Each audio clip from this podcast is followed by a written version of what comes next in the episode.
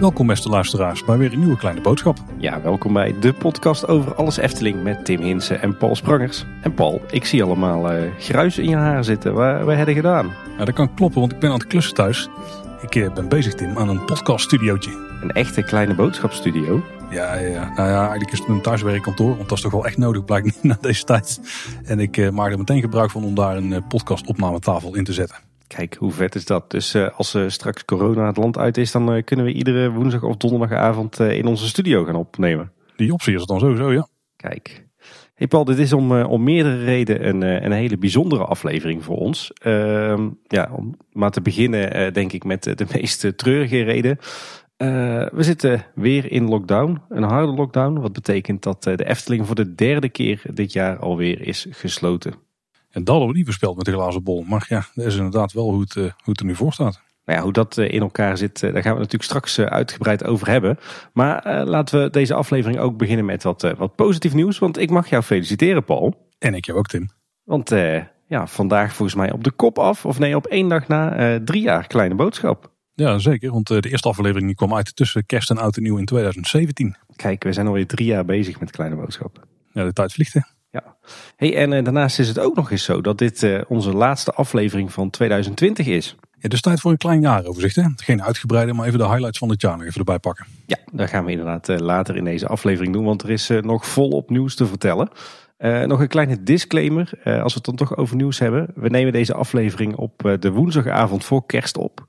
Dat is 23 eh, december. We vonden onze vaste opnameavond, namelijk de donderdagavond, wat eh, minder geschikt, zo op kerstavond.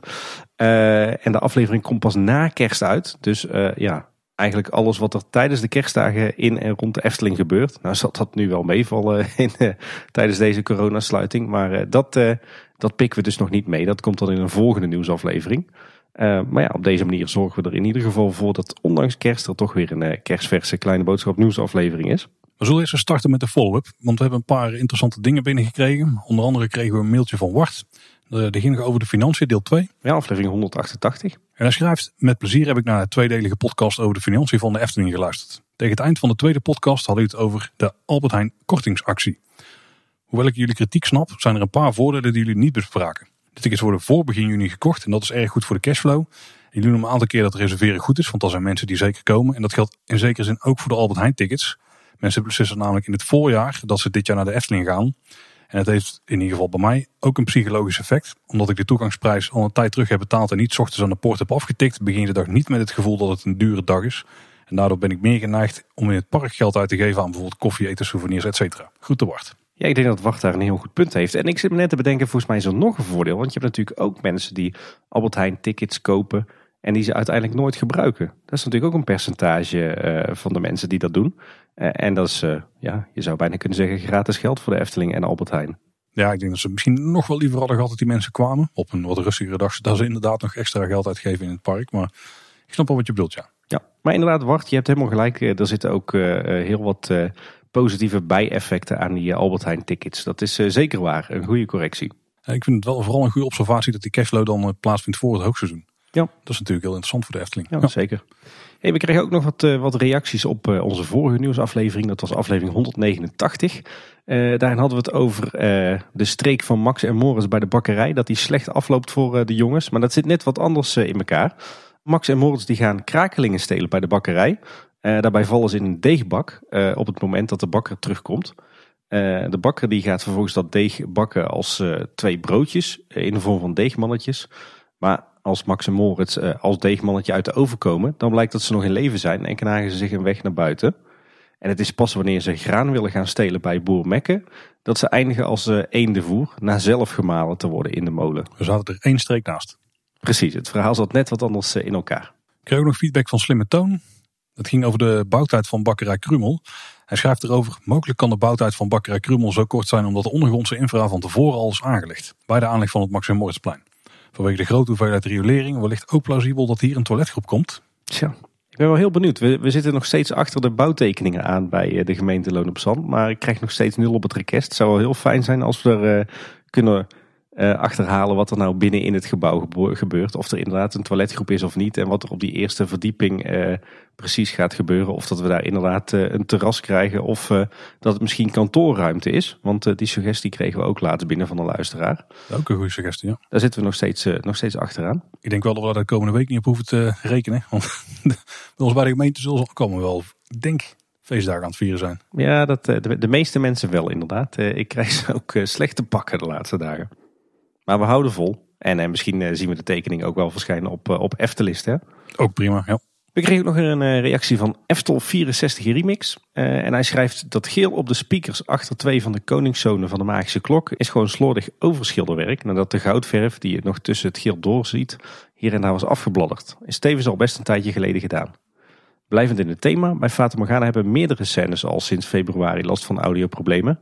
Eerder een versterker die dringend met pensioen moet dus, in plaats van zomaar een krakend speakertje. Ja, dat ging natuurlijk over eh, diverse onderhoudspuntjes van de vorige nieuwsaflevering. Uh, ja, ik ben heel benieuwd. Ik uh, wacht even op het eindresultaat bij de magische klok voordat we wat vinden van het, het schilderwerk van de speakertjes. Ik, ik hoop toch dat we hier nog een afwerking gaan zien met, met goudverf of met bladgoud en dat het inderdaad niet zo blijft. En dan hebben we als laatste nog een stukje follow-up op de vorige aflevering. Dat was ons verslag van Villa Padus en ook het bespreken van de historie, de band met de Efteling. Uh, wat Peter Persoon daar doet als directeur. En natuurlijk wat, het, uh, wat Villa Padus als goed doel kan betekenen voor uh, de mensen waar zij iets voor betekenen. En, en daar hebben we eigenlijk niet meer informatie over. Maar we willen eigenlijk gewoon uit de grond van ons hart een bedankje doen naar iedereen die al heeft laten weten dat ze ze hebben gedoneerd naar aanleiding van die aflevering. En ik hoorde las zelfs een berichtje van iemand en die had de, hele, het kerstgeld zoals het omschreven. Dus ik denk een soort deel van de bonus die ze kregen aan het eind van het mhm. jaar. Gewoon gedoneerd aan Villa Padus. Kunnen we heel erg waarderen. Ja. iedereen die die aflevering niet heeft geluisterd, doet dat zeker. En uh, wat we daar ook al zeiden, wil je de podcast financieel steunen? Dat hoeft niet. Maar wil je het geld aan Villa Padus steunen, dan uh, kunnen we dat zeer waarderen. En uh, vermeld ons erbij of niet, dat maakt ons verder ook niet uit. Die kunnen het hard gebruiken. Ja, heel tof om te zien dat al zoveel luisteraars hebben gedoneerd aan Villa Padus. Naar aanleiding van onze aflevering daarover. Echt ongelooflijk tof. Daar zijn we trots op. Dan de hoofdonderwerp, Tim. Ja, we hebben er uh, deze keer niet zo heel veel. Op zich ook niet zo gek als je bedenkt uh, dat het park is dichtgegaan vrij kort na de vorige nieuwsaflevering. Maar tijdens een van mijn rondjes om het park viel me wel wat op bij de bouwpoort achter de Fata Morgana. Um, want daar, daar stond een stellage met daarin wat, wat metselwerk, wat oud gelig metselwerk. Um, en het lijkt erop dat dat een stukje proefmuur is voor Bekkerij Krumel. Oh, Oké. En zag het er een beetje ja, oud-Duits uit? Of Zuid-Duits? En, nou, het zag er in ieder geval uh, overduidelijk zo uit als op de, de impressietekeningen van Jeroen Vrij. Dus mooie, grote, ja, een beetje wit-gelige, grove stenen. volgens mij zat er ook een klein stuklaagje overheen. Het was, het was een hele tof, heel tof metselwerk. Het, het zag er goed uit. Mooi. Verder hebben we weinig updates over Bakkerij Krumel op dit moment. Hè? Nee, ja, wat ik zei, ik balen van dat we de bouwtekening nog steeds niet hebben. Maar uh, verder hebben we er ook niks meer over gehoord sinds uh, de vorige nieuwsaflevering. Klein blikje achter het scherm. Ik zie hier in ons draaiboek dus staan proefmuren gespot. Ik denk, heeft iemand daar op de concept art of zo een, soort muur gezien in het gebouw? Waar je dan allemaal dingen kunt proeven. Een soort trekmuur, maar dan met allemaal stukjes brood of zo. Ik, het zou ook bijzonder zijn. Maar dat is het dus niet. Oh, dat is uh, denk ik jargon. maar goed, zolang dat, we, zolang dat, dat beperkt blijft tot ons draaiboek, dan, dan kan dat en dan verder naar Polka Marina en Nest. Nest. Nee, dat doe ik niet. Dat doe jij. Nest. Zo, de Efteling berichtte eerder dat de sloop zou beginnen in januari 2021. Maar toch is er nu al gestart. Er zijn in ieder geval een aantal dingen weggehaald. Uh, en dat is op zich ook logisch, want ja, het park is dicht tot... Ja, tot in ieder geval 20 januari. En dus nu hebben ze alle ruimte en alle tijd natuurlijk om dit aan te pakken. Eh, ze hebben in ieder geval een aantal dingen gedaan. Het ingangsbord is volledig verwijderd. Het tunneltje is dichtgetimmerd. Alle plexiglazen panelen die zijn verwijderd. Dat hebben ze redelijk snel gedaan al uh, ja. nadat de attractie dicht was. Maar inmiddels hebben we ook gezien dat de walvis en de piraat dat die van de attractie afgetakeld zijn en afgevoerd worden op een vrachtwagen. En het viel mij daarbij vooral op dat ze het met beleid lijken gedaan te hebben. Dus niet dat ze er gewoon een sloopkogel tegenaan hebben geslingerd. Maar ze hem echt los hebben gebouwd. Uh, netjes op een uh, vrachtwagentrailer hebben gezet. Dus ook niet dat ze hem erop hebben gelegd of zo. Hij staat echt gewoon recht overeind. Dus daar lijkt ze iets mee te gaan doen. Ja, ja, ze hebben het heel voorzichtig gedaan. Heel mooi om te zien ook. Het was een, eh, een video die volgens mij gemaakt was door een, eh, een medewerker die in eh, Station de Oost aan het werken of aan het eten was. hele toffe beelden.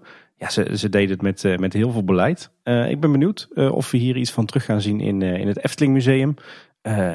in de tuin van Villa Padus. misschien op een andere plek. Ik, ik zou me ook zomaar kunnen voorstellen dat er misschien bij Speeltuin Nest een eerbetoon komt aan Polka Marina. Tot daar werken ze ook met allerlei oude materialen uh, die verwijzingen zijn naar attracties in het Ruigrijk. Dus wie weet. Maar ja, alles lijkt er in ieder geval op dat, dat de walvis en de piraten wel behouden blijven voor het nageslacht. En dat is wel heel tof natuurlijk. Ook hebben we inmiddels aflevering 3 van de YouTube-serie Ondertussen in de Efteling gezien. Nou, dit was weer een, een highlight van de week. ik snap echt niks van die YouTube-serie, Paul. Misschien ligt het aan mij hoor. Misschien ben ik niet meer van deze tijd. dat zal jij zeker niet ontkennen. Maar ik, wat een ongelofelijke bagger is dat zeg. Het voegt uh, weinig toe aan het, uh, aan het YouTube kanaal wat mij betreft, ja. Ik, ik snap niet wat het, uh, wat het concept hiervan is. Of wat de gedachte erachter is. Of wat ze ons nou willen bijbrengen. Of wat ze nou voor effect willen hebben op de naam van de Efteling. Want ja, het, het, het waren vooral weer veel gewone bezoekers aan het woord over niet al te spannende zaken, toch? Ja, dit, lijkt volgens mij een beetje een soort ja, bijna mini real life soap te zijn van wat er in de Efteling gebeurt. Ik denk dat wij gewoon absoluut niet het doelpubliek hiervoor zijn. Ja, een van onze luisteraars noemde het al de, de Eftelingse versie van Man bij het hond. Hè? En ik denk dat het daar inderdaad wel heel wat weg van heeft. Dat klopt denk ik wel, ja. Maar wat daar wel uh, nou, interessant van was, was een soort mini-making-of met beelden van het laatste ritje van Polka Marine met personeel. En dit is ook het stukje waar Robert Jaap Jansen bij betrokken was. Die kerel tot zien lopen toen die dag. Uh, dat zit hier eigenlijk allemaal in die, die beelden die ik geschoten heb zien worden. En die vertelt daarna nog iets over de bouw van Nest. Uh, maar heel veel boeiends hebben we nog niet lang zien komen. In ieder geval niet heel veel wat wij nog niet wisten. Nee, inderdaad. Ik vond, vond het wel tof overigens om, om te zien dat inderdaad het laatste ritje echt met personeelsleden van het Ruigrijk was. En ook wel tof om de verschillende personeelsleden aan het woord te hebben. Maar inderdaad, ik, qua, informatie kan het zeker niet opboksen tegen de, de vorige making-ofs van die we hebben gezien. Ik ben benieuwd dat ze van Nest nog een echte making-of gaan doen. Want dit leek wel een aanzetje daarna. Maar ja, zo heel veel interessants is er misschien niet over te vertellen. Maar er zal vast een uitgebreid videoverslag komen van het moment dat die uh, opent. Misschien, uh, misschien zoiets als bij Fabula. Hè? Gewoon één korte making-of voor YouTube. Gewoon één aflevering waarin uh, in alles zit. Ja, zou kunnen. Ja. Ik hoop niet dat ze het allemaal gaan verwikkelen in die YouTube-serie. Dus, want ondertussen een Efteling, daar, ja, daar ben ik geen vaste kijker van, denk ik. Nee, ik uh, denk het ook niet. Alhoewel, ja, we checken het toch iedere keer weer even om te kijken of er uh, zeker te weten niks in zit wat we, wat we niet mogen missen natuurlijk. Uh, mooi, jij checkt je altijd, hè? dan laat ik daar aan zitten. Oké, okay. ja. zullen we verder gaan, Tim? Ja, zo'n beetje naar het hoofdonderwerp toch wel weer van deze, deze aflevering. Ja, daar kunnen we uiteraard niet omheen. we hebben hem geschaard onder het kopje coronacrisis. Maar het gaat natuurlijk voor een heel groot deel over de nieuwe lockdown en het daarmee sluiten van de Efteling, het wederom sluiten. Vanaf 15 december is er dus weer een lockdown van kracht. En voorlopig lijkt die te, gaan, lijkt die te lopen tot en met 19 januari 2021. En dat betekent dus dat de Efteling voor de derde keer dit jaar gesloten is. En dat de winter Efteling dus voorbij is. Tenminste, dat is nog wel een openstaande vraag. Want misschien dat ze hem iets verlengen. Nou ja, kijk, als het park op, inderdaad op 20 januari 2021 weer opent, uh, laten we het hopen. Uh, dan resteren in principe nog 11 eh, of 12 dagen winter Efteling. De vraag is natuurlijk wel, uh, laten ze het park uh, helemaal in winterse sferen gedecoreerd voor die laatste elf dagen? Of kiezen ze ervoor om uh, toch alvast te gaan afbouwen? Wat natuurlijk een, een stuk makkelijker en goedkoper is ook. of gaan ze inderdaad voor een verlenging? Daar zou ik op zich ook wel voor zijn. Trek, trek de winter Efteling nog maar een extra maandje door op het moment dat je weer open mag. Maar goed, dat is nog koffiedik kijken. Februari is een prima wintermaand, toch? Ja, zeker. Laten we hem gewoon doortrekken. Daar hebben ze het kleine boodschap seal of approval in ieder geval voor gekregen bij deze. En uh, hoe voelt dat nou, Paul? Voor de derde keer de Efteling dicht? En misschien is het een beetje slecht of jammer, maar ik begin er enigszins aan te wennen dat dit uh, kan gebeuren. En ik had er in dit geval ook best goed op voorbereid. Want het, uh, volgens mij zeiden wij nu doen ze aflevering ervoor, die wij dus al een halve week daarvoor hadden opgenomen.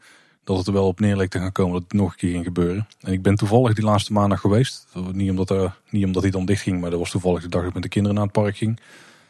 In de kerstvakantie komen er vaak wat minder, omdat het ook drukker is. En we zijn van die verwende abonnementhouders, Tim. Dus uh, op dit moment ja, is het niet heel veel anders dan een normale, dan normale einde van het jaar. Ik denk dat begin januari dat dan wel gaat kribbelen weer.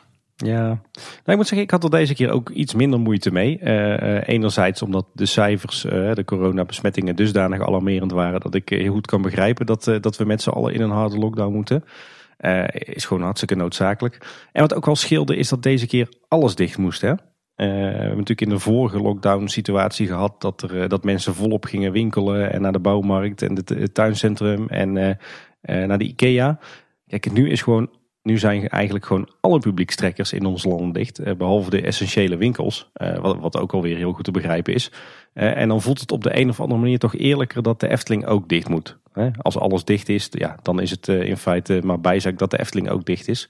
En het is wat jij zegt, we zagen het aankomen. Hè? Dus de, de dagen voor de lockdown, eh, ben ik behoorlijk vaak nog even een paar uurtjes het park in geweest.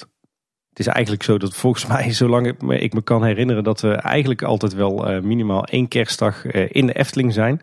En ook een aantal andere keren in de kerstvakantie. Ja, dat is dit jaar dus even heel anders.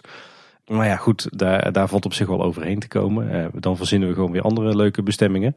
Maar uh, ja, ik heb voornamelijk toch wel te doen met het bedrijf en met, uh, met de medewerkers. Ja, het is van de lockdown-periodes die we hebben gehad, is dit wel de meest vervelende. Want het is natuurlijk een periode dat normaal gesproken heel druk is en dat er heel veel geld binnenkomt. Ja. En die lopen ze nou wel mis. Nou is het voordeel wel, want die NW3, daar maken ze nou makkelijk aanspraak op, vermoed ik hierdoor. Want ons het zal een stuk lager zijn dan normaal gesproken in deze periode, of in ieder geval in dit kwartaal. Maar ja, dat is, al, dat is ook maar een kleine pleister op een grote wond, zeg maar. Ja, inderdaad. Dus ik denk inderdaad voor de Efteling is het eh, de zwaarste lockdown tot nu toe. Uh, voor ons misschien de lichtste lockdown? Ja, dat was toch wel die vorige, denk ik. Ja, die duurde maar twee weken, dat scheelde. Maar het is in ieder geval wel goed te zien dat de Efteling uh, een aantal initiatieven heeft uitgerold om deze lockdownperiode door te komen. Maar daar gaan we het dadelijk over hebben. Maar leuk is anders, maar we hadden ons er deze keer op voorbereid, denk ik. En inderdaad, noodzakelijk, laten we dat absoluut niet vergeten. Ja, ja, en heel, eh, denk ik ook heel helder, heel consequent en heel eerlijk. Hè, door gewoon te zeggen, alles gaat dicht. Er zijn wel wat dingen nog gebeurd in de Efteling, waar wij in ieder geval weet van hebben. Zo uh, heeft Ogene die concerten gegeven die we de vorige keer al hadden besproken. Die vonden plaats op 18, 19 en 20 december.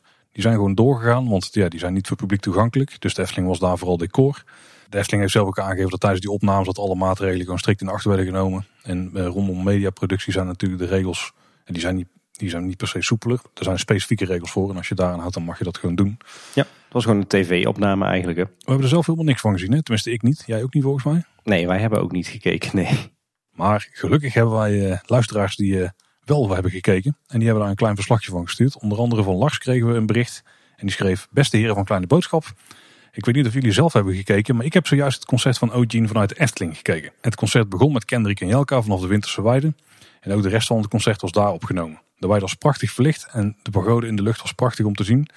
Vanuit verschillende hoeken werd het concert gefilmd. Tijdens het concert kwamen ook Pardoes en wat kabouters nog langs op de achtergrond. Alle hutjes op de weide waren open en het kampvuur stond aan. Prachtige reclame voor de Efteling wat mij betreft. Eugene gaf ook aan dat de samenwerking met de Efteling fantastisch was en dat alles mogelijk was en de Efteling graag meedacht. Het concert eindigde met een dansende Pardoes. En ik heb de eerste twee concerten niet gezien, maar deze avond was zeer geslaagd. Nou, dit was dus de derde, als ik het goed begrijp. Ja. Ja, bedankt Lars. Tof uh, dat, we, dat we inderdaad altijd wel luisteraars zijn die er weer ergens iets over te vertellen hebben. Uh, en fijn dat we nu in ieder geval een mooi inkijkje krijgen in, uh, in die concerten van Ogene. En Stefan had daar nog een toevoeging op. Stefan Rosbeek schreef namelijk dat het eerste concert plaatsvond op de Anton Pieckplein. En de tweede en derde op de Winterweide. En tijdens de opnames kwamen dus niet alleen Pardoes en de kabouters langs, maar ook een roodkapje, grootmoeder, de zandkabouter, een vrouwelijke kabouter, Pardijn, door een roosje en de prinses van Aquanura en de kerstman die kwamen nog langs. Kijk, ja, ik denk inderdaad uh, uh, geweldige reclame voor de Efteling. Uh, ook voor de Winter Efteling. Dat is een beetje jammer, want die is natuurlijk dicht. Dus daar hebben ze in die zin weinig aan. Maar ja, wel tof om juist in de tijden dat het park gesloten is... toch een manier hebben om het park weer even in de picture te spelen. Ja, zeker. Ja. ja. Overigens, het park is dus inmiddels alweer een week of twee dicht. maar er wordt nog wel nog steeds doorgewerkt in de Efteling. En dat zagen we onder andere dankzij een Instagram post van Koen Bertesen. Jazeker, want Koentje die stond friet te bakken voor de Efteling-medewerkers die aan het werk waren. Dus volgens mij hadden ze, ik denk de Oost opengegooid, de hongerige machinist. Ja. En daar stond hij dus eh, friet mee te bakken. En die werd uitgedeeld aan de medewerkers die bezig waren. Ja, altijd tof als eh, directieleden ook meewerken in de exploitatie. Hè?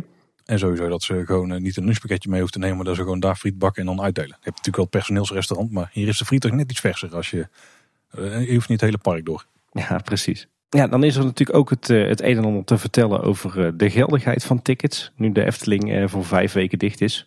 Tenminste, laten we hopen dat het daarbij blijft. Want Efteling tickets en Airmals tickets met een geldigheid tot en met 2 januari. Die worden automatisch verlengd tot en met 28 maart 2021.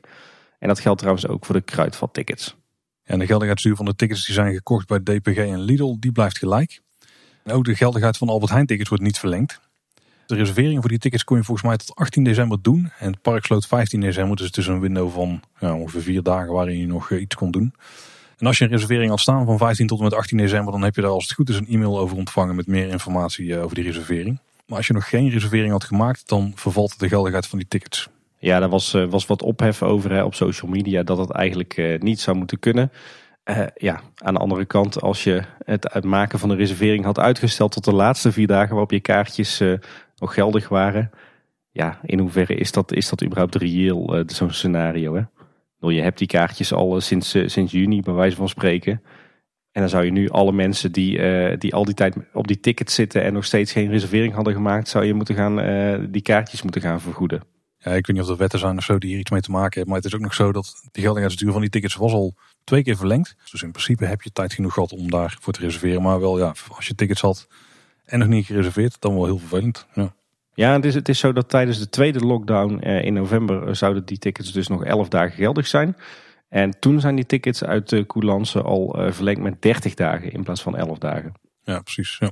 Of jij zei, je had het over de tickets van DPG. Dat is volgens mij de persgroep. Dus zeg maar het Algemeen Dagblad en alle regiokranten in heel Nederland. En voor de Belgische klanten van Albert Heijn zijn die tickets dus weer wel verlengd. En dan tot 28 maart 2021.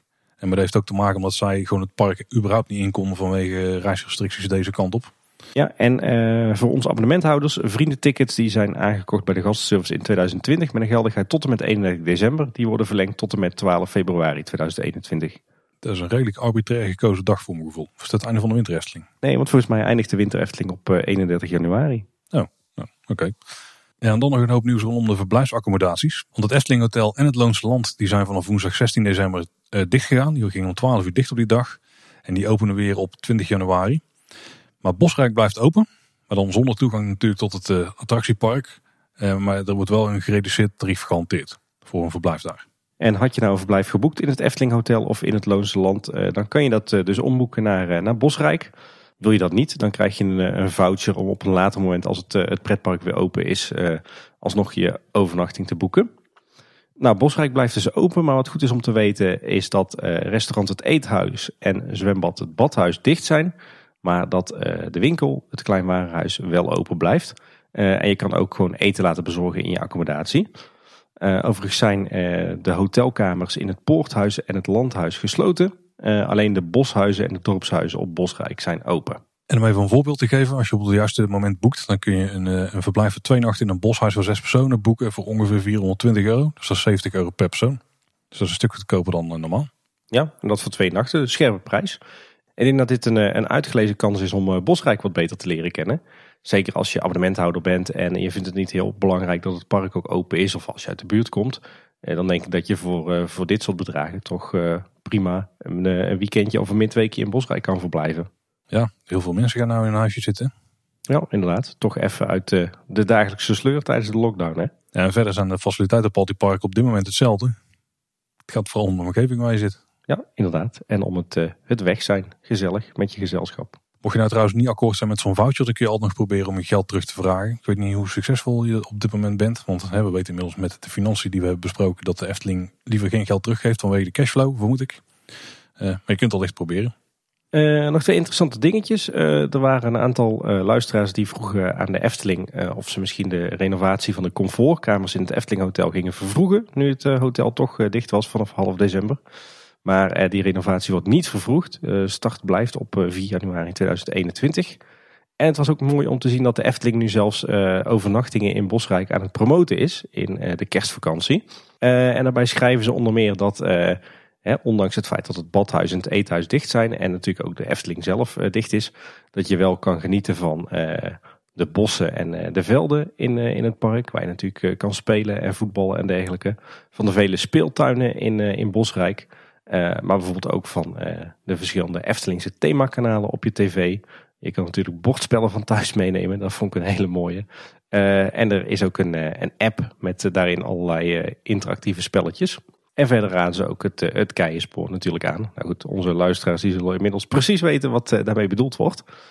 Uh, en naast het feit dat het supermarktje bij de, bij de receptie open blijft en dat je eten kan bezorgen, zijn er ook wat, wat extra opties. Want van 21 december tot en met 2 januari kan je een borrelbox bestellen. Die wordt dan bij je huisje afgeleverd. En op 24, 25, 26 en 31 december kan je ook een dinerbox bestellen. En dan was er ook nog nieuws over het golfpark. Want het golfpark in, dat is gewoon open. Ja, dat viel mij eh, van de week al op toen ik er langs fietste inderdaad. Maar het is wel zo, het restaurant is dicht, de golfwinkel is dicht en de kleedkamers zijn ook gesloten. Dus je moet denk ik gewoon al uh, helemaal paraat aankomen. Ja. De toiletten zijn wel open, maar er wordt wel gevraagd om met maximaal één persoon de receptie te betreden. En ik neem aan dat dat dan ook voor de toiletten geldt. En mondkapjes uiteraard overal verplicht in de overdekte ruimtes. En afgelopen 24 december is de officiële dag geweest dat de Hollandse Golf Exploitatiemaatschappij de bedrijfsvoering heeft overgenomen. En die zijn er ook flink aan het werk. Ja, wat uh, volgens mij uh, een week eerder was dan eigenlijk de bedoeling was. Hè? Want ze zouden 1 januari 2021 eigenlijk uh, pas de exploitatie overnemen. We moeten maar eens langs gaan bij die club binnenkort. En Tim, je hint in het begin al op een paar initiatieven die de Efteling heeft gestart in deze tijd. En ik denk dat het meest interessante dan nog wel van is het Efteling Sprookjesdiner. Ja, inderdaad. En we weten inmiddels dat het een idee was van de medewerkers van hotels en resorts zelf. Uh, want wat, uh, wat is of was eigenlijk het Efteling Sprookjesdiner? Als je deze aflevering luistert, dan, uh, dan vindt dat alweer in de verleden tijd plaats. Je kon online een drie menu voor kerstavond bestellen bij de Efteling. en dat vervolgens coronaproof afhalen bij het, het Efteling Hotel op het parkeerterrein. En daar hebben ze een drive-thru gemaakt. waarbij medewerkers het, het eten voor je kerstavond in je kofferbak zetten. Uh, ze werken daar wel met, met tijdsloten tussen 12 uur en 5 uur s middags. Uh, wat heb je voor, uh, voor gerechten waar je uit kan kiezen? Je kan uit minuutjes kiezen hè? Uh, met drie gangen. vlees, vis of vega. zowel een variant voor volwassenen als een variant voor kinderen. En het, het drie gangen is 20 euro per persoon. En het drie gangen menu voor volwassenen is 30 euro per persoon. je krijgt je kerstmaal dus ja, zo goed als af mee in je kofferbak. Ehm, en thuis moet je nog vijf eenvoudige stappen volgen om, het, om de gerechten helemaal af te maken. De menus zijn een, eh, een combinatie van de, meest populaire, mooiste gerechten van de verblijfsaccommodaties. Je krijgt ook eh, brood met kruidenboter met daarin kruiden uit het Loonse land. En bij het eh, kindermenu zit een Efteling verrassing. En het lijkt erop dat het vrij succesvol was, want uiteindelijk is het, het sprookjesdiner ook daadwerkelijk uitverkocht. Kijk, een mooi initiatief. Absoluut, heel, uh, heel creatief. En volgens mij heb ik langs zien komen dat jullie er een hebben gekocht, hè? Of in ieder geval een setje. Ja, inderdaad. Wij, uh, wij hadden eigenlijk geen plannen voor kerstavond. Dus waarschijnlijk zou het uh, gewoon een, een pan macaroni en Netflix geworden zijn. Prima avond. Ja, dit is toch de perfecte gelegenheid om kerstavond toch een beetje te pimpen. Dus hebben wij inderdaad voor, voor ons vieren een, een kerstminuutje besteld bij de Efteling. Dus ja, goed wat we al eerder zeiden, we nemen dit op woensdagavond op. En uh, morgen namiddag dan, uh, dan gaan wij onze Eftelingse kerstminuutjes uh, ophalen bij het Efteling Hotel. En dat wordt een heel gezinsevent, want ik geloof dat we met z'n vieren met de auto naar het Efteling Hotel rijden voor, voor de ervaring. Toch een, een vleugje Efteling in deze Eftelingloze tijd. Ja, inderdaad. Ja. Ik ben heel benieuwd hoe het is bevallen. En misschien is het wel voor herhaling vatbaar in de toekomst. Ja, het klinkt wel heel slim en, en heel aanlokkelijk. Blijkt ook wel uit het feit dat het uitverkocht is. Nee, ik zal eh, in eh, de eerstvolgende nieuwsaflevering, eh, die komt ergens, begin januari uit, zal ik uitgebreid verslag doen van ons sprookjesdiner. Helemaal goed. Mits we het zelf niet verpesten met het afmaken thuis, hè? dan mag je er nog steeds uitgebreid verslag van doen. Oké. Okay. Efteling heeft ook bekendgemaakt dat de prijzen van de abonnementen voor 2021 niet verhoogd gaan worden. Ook de prijzen van de parkeerabonnementen die blijven ook hetzelfde. Dus dat blijft stabiel ik had toch wel verwacht dat ze misschien iets omhoog zouden doen in 2021. Ja, ik eigenlijk ook wel. Ik vind het wel heel sympathiek dat ze, dat ze dat niet doen. Ik had verwacht, gezien de financiële situatie, dat er wel een eurotje op zou komen per maand of zo. Ja, een eurotje per maand. Dat is dan toch al gauw een miljoen per jaar extra. Ja. Ik, uh, ik had het gedaan als ik de Efteling was. Maar goed, aan de andere kant kan ik me ook voorstellen dat uh, ze bang waren voor negatieve publiciteit uh, als ze het hadden gedaan. Want uh, iedere euro erop is natuurlijk weer een, eh, een reden voor uh, geklaag. En dat wordt dan weer breed uit in de landelijke media uitgemeten. Dus ik kan me indenken dat ze het daarom niet hebben gewild. In de vorige nieuwsaflevering had het al over van die stickers die ze op de kuchschermen in de wachtrij hebben geplakt. En we hebben in de, de tijd na de vorige aflevering nog een paar nieuwe ontdekt. Zo hangt er eentje bij Symbolica. En er staat op, denk aan de regels, dan kunt u veilig op audiëntie. Ja, en bij Villa Volta hangt er eentje. wees lief, dan zult gij vrede vinden. maar die is dan natuurlijk op zijn kop geschreven. Heel leuk bedacht. Ja, want de tekst die erop staat, die heeft dan verder niet zo heel veel uh, te maken met de coronamaatregelen volgens mij. Nou ja, wees lief voor elkaar is op zich toch een goed devies voor uh, coronatijd, toch? Dus ja, dat is wel waar, ja. Ja, wat ik nog wel interessant vond, was uh, een nieuw bordje wat geplaatst was op de warme winterweide. Zouden we er ooit nog naartoe kunnen, Paul? Uh, bij, de, bij de meet en greet met de Efteling-bewoners. Uh, en daarop was te lezen zeven jaar of jonger. Dan kan de Efteling-bewoner met je op de foto in de arreslee. Ben je acht jaar of ouder, dan blijft de Efteling-bewoner op gepaste afstand. Hm. Blijkbaar ligt er qua besmettelijkheid dan ook ergens een grens rond de acht jaar. Dat wist ik niet, maar Interessante maatregel. Ja, volgens mij in de basisschool moeten de docenten ook gewoon afstand houden van zijn kinderen zoveel mogelijk. Voor zover dat praktisch kan natuurlijk. We zitten op dit moment in een lockdown, Tim. En wij maken geen podcasts die zo enorm lang zijn dat je daar volledige dagen mee kunt vullen. Of je moet hem echt heel traag afspelen, maar dat kan ik je niet aanraden. Of vooral heel veel oude afleveringen terugluisteren. Dat kan wel, ja. Als je nog niet helemaal bij bent, is het natuurlijk ook altijd een goede tip. Maar hoe ga je nou die lockdown overleven? Wat kunnen mensen allemaal doen? Zeker als je een beetje in de Efteling-sfeer wil blijven. Ja, en dat willen wij natuurlijk. Tenminste, dat doen wij thuis hier eh, heel erg hard ons best voor. Ja, ik denk dat de tip is om op eh, Twitter, als je dat hebt, om eh, de hashtag blijf betoverd te volgen. De voorgaande afleveringen hebben we al wel eens wat, wat twitteraars getipt die mooie foto's plaatsen.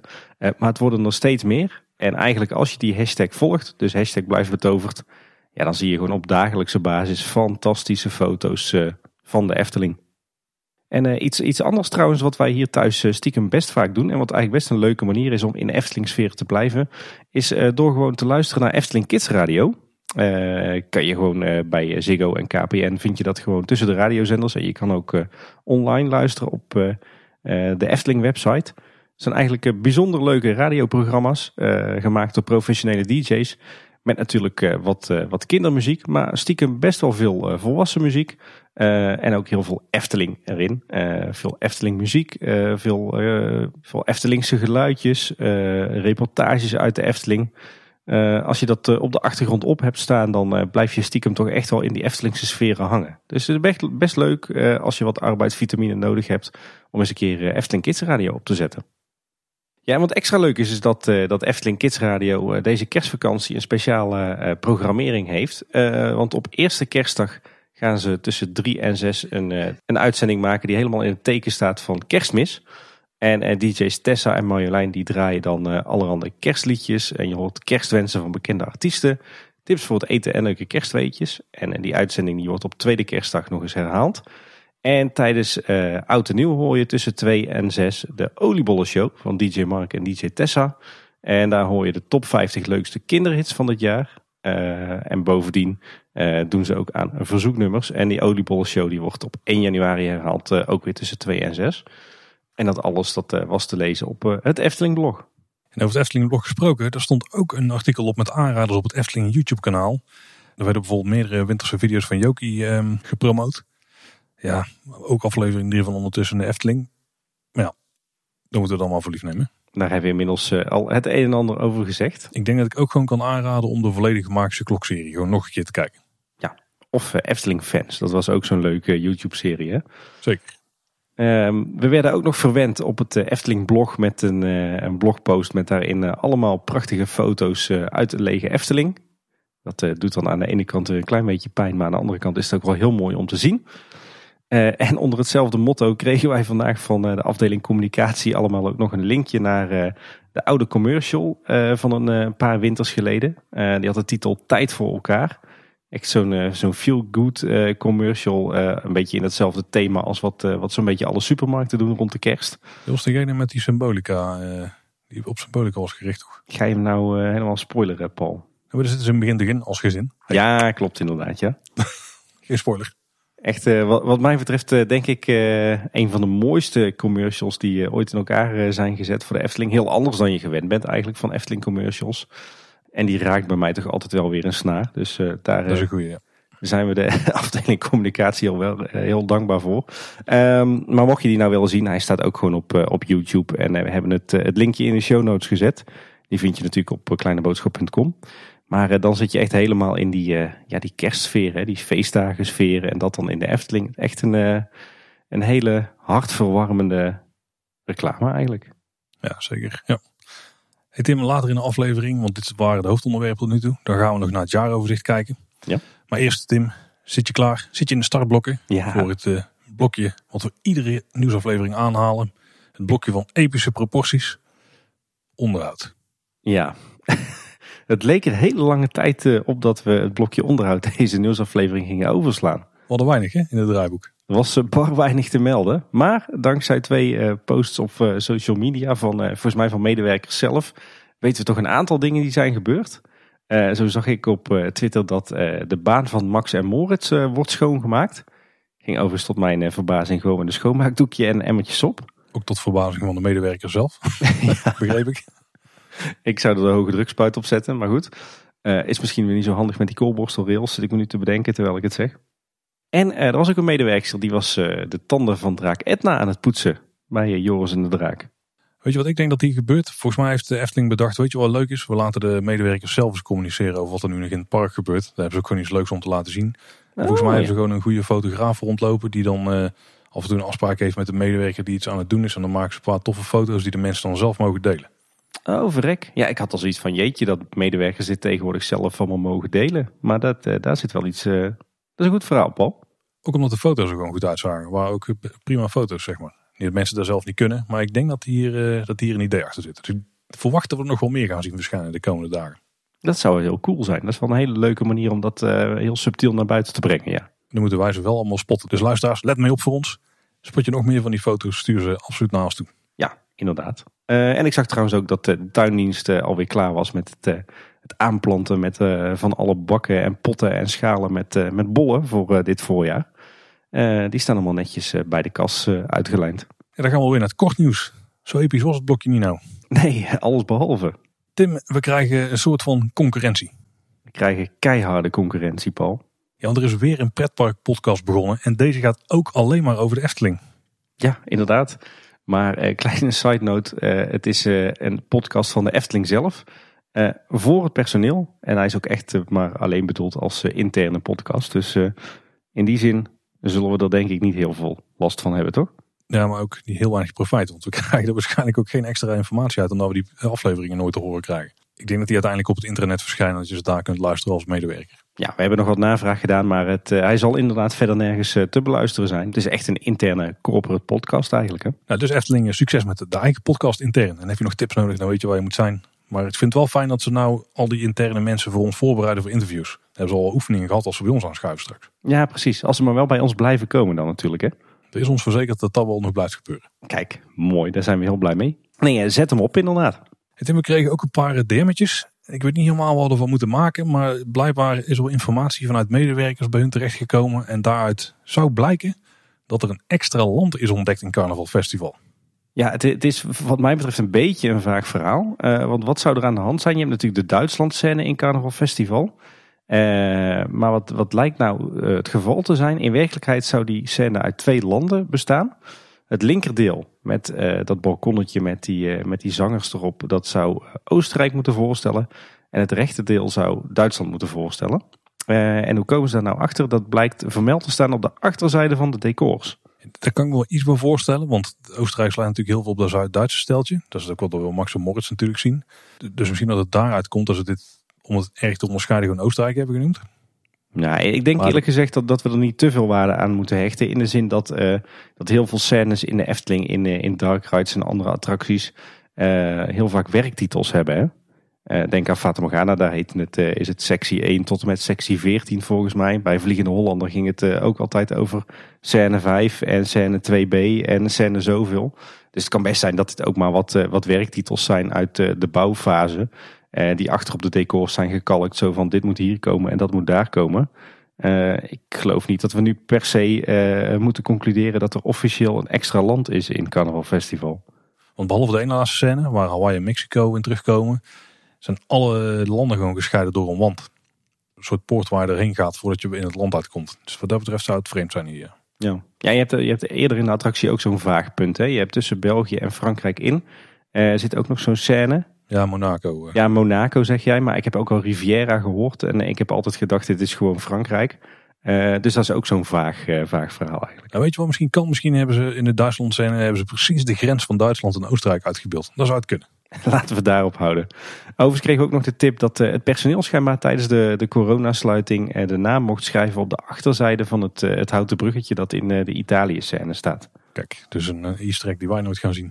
Dat me een beetje denken aan de Matterhorn in Disneyland Anaheim. Daar hebben alle medewerkers die daar ooit hebben gewerkt aan de binnenkant van de berg ook hun naam op het decor gekalkt. Oeh, ik weet niet of dat er nog staat. Want die berg is volgens mij al 25 keer verbouwd van binnen. Nee, het zit er nog. Het zit namelijk in de eerste aflevering van eh, de Imagineering Story. Ah, oké. Trouwens, iets wat we net niet hebben genoemd, Tim. Als je nou de coronasluiting door wil komen en je wil heel veel van de Efteling meekrijgen, dan kun je natuurlijk ook Eftepedia gaan doorspitten. En die hebben recent een paar eh, toffe dingen weer online gezet. Een van de dingen die ze namelijk hebben ontdekt is dat de voorloper van de Piraat, dat was een horecapuntje op het plein bij de Piranha, Ja. dat dat het misverstand was. Ja, en dat was dus geen misverstand, maar die winkel die heet blijkbaar Het Misverstand. met, eh, met DT op het einde. Eh, en voor wie zich nou afvraagt, wat was de piraat in godsnaam? Dat ja, was eigenlijk een, eh, je zou bijna kunnen zeggen, een porto cabin die was omgetoverd tot winkeltje. Daar kon je suikerspin en popcorn eh, kopen. En die stond eigenlijk zo'n beetje midden op het pad wat nu van het Piranhaplein naar Baron 1898 eh, voert. Die, die verdween een aantal jaar geleden. Toen ging eh, de suikerspin en de popcorn over naar het Silent Fregat. Maar blijkbaar had die piraat dus ook nog een, een voorloper. En dat is toch weer mooi ontdekt door de mensen van FTpedia. En hebben trouwens eh, sowieso niet stilgezeten. Zo hebben ze een heleboel eh, nieuwe artikelen of eh, lemmata, zoals het dan officieel heet, toegevoegd over Max en Moritz en alles daar rondomheen. En het, het artikel over het dienstencentrum is enorm uitgebreid. Met daarin een, een erg interessant verhaal over wat er allemaal te vinden is op het dienstencentrum van de Efteling. En ook wat de geschiedenis ervan is. Dus als je een hele mooie blik achter de schermen wilt krijgen door de jaren heen, dan, dan moet je ook zeker eens op dat artikel zoeken. We zullen de linkjes ook weer eh, in onze show notes zetten. Ja, en dan de expeditie van de familie Vos hebben we al regelmatig aangehaald. Maar die, eh, zou in première gaan op 16 december. Maar omdat de bioscopen sloot op 15 december is die officieel denk ik niet in première gegaan. Ik weet niet hoe het precies zit. Want er zijn wel diverse voorvertoningen geweest. Onder andere die voor de prijswinnaars. En tijdens gewoon de, reguliere, de reguliere voorpremières. En volgens mij het plan om ergens begin 2021 eh, dat, dat de film weer in de bioscopen gaat draaien. Afhankelijk van ontwikkelingen. En ik denk dat ze dat dan als officieel première moment gaan pakken. Ja. Een keer. Ik denk het. Ik vind het wel bijzonder hoor. Want het is echt, eh, echt zo'n kerstfilm, zo'n winterfilm. Hè. Het speelt natuurlijk zich ook af in de winter Efteling. Eh, in winterse sferen. Met een hoop sneeuw. Dus raar om dat in het voorjaar eh, in de bioscoop te hebben zitten. Voor het verhaal maakt het misschien niet uit. Maar het zou beter uitpakken als het natuurlijk in deze periode getoond kan worden. Ja. Dat gaat nu helaas niet in de bioscopen. Er is best wel veel informatie rondom verschenen. We hebben hem zelf nog niet gezien overigens. Eh, wij zaten niet bij een van die voorpremières. En in het Brabants Dagblad stond een artikel. En toen zei Bob Wilders daarin, dat is de regisseur.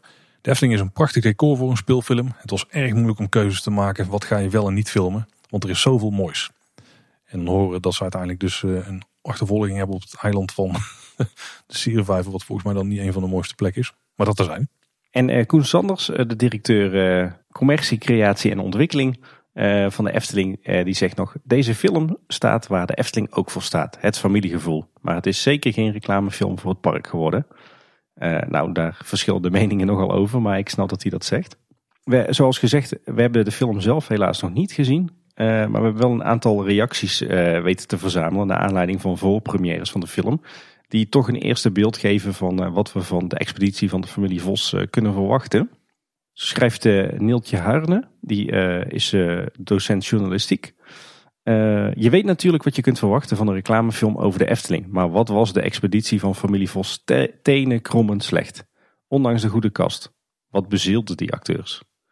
En Jaap Mildijk, ook niet geheel onbekend in de fanscene, die schrijft... Zojuist, vlak voor de nieuwe lockdown, nog even in een lege zaal naar Pathé geweest... voor mogelijk de slechtste film ooit, ondanks aardige cast en locatie. De expeditie van familie Vos, opgenomen in de Efteling. En eh, hij schrijft ook nog, spoiler, de enige Oh, zwarte Zullen we niet spoilen? Zullen we niet spoilen? Oh. Oeh, net, net op tijd in kunnen grijpen. Ja. We kregen ook nog een eh, verslag van Mike. Die was bij een van die voorpremières. Degene in het Fabula Theater. Die had een prijsvraag gewonnen bij de Efteling. En die schreef om half vijf zijn we naar het Fabula Theater gegaan waar de première plaats zou vinden. Daar aangekomen werden we ontvangen door twee entertainers en een Efteling medewerker die onze naam controleerde. Eenmaal in de zaal konden we plaatsnemen op de aangewezen plekken. En deze waren voorzien van zeer comfortabele kussentjes. Ik was vooraf even bang dat we gedurende de film op de harde houten banken moesten zitten. Oeh, daar waren wij zelf ook bang voor. We hadden dus over nagedacht. Ja, inderdaad. Nadat we ons gezetteld hadden, begon de film en de kinderen hebben er enorm van genoten. Wij als ouders ook, omdat de kinderen ervan genoten. Het was een feest van herkenning van alle Efteling-locaties die in de film voorkwamen. En ook onze kinderen riepen regelmatig Langnek, waterlelies, symbolica. Nest. Zo, die bestaat er niet in. Dan had je gewoon zo'n zandvlakte gehad met een paar bouwenhekken eromheen. Dat was wel mooi gevonden trouwens. Toen de film afgelopen was, mochten we via de Invalide-uitgang de filmzaal verlaten en kwamen we uit in een donkere maar sfeervol verlichte Efteling. We kijken terug op een mooie magische dag waar we met veel plezier en mooie herinneringen aan terug kunnen denken. Nou, bedankt voor het verslag Mike en ons een beetje meenemen in hoe het eh, er dan toe is gegaan voor die prijswinnaars. Ja, tof. Ja, erg wisselende reacties dus. Hè. Je merkt enerzijds mensen die eh, extreem kritisch zijn over de film. maar anderzijds denk ik het doelpubliek, kinderen en hun ouders, zijn blijkbaar toch best wel positief. Tenminste, Mike was dat. Ja, lastig. Ik denk dat wij hem gewoon dit voorjaar zelf moeten gaan kijken, Paul. En dat we dan zelf eens onze mening moeten gaan vormen over deze film. Nou, de Efteling is wel vaker in decor, Tim. Bijvoorbeeld ook voor Merry Little Christmas. Ja. Dat tv-programma is op RTL 4, waar Sander de Bruin jurylid bij is. Ja.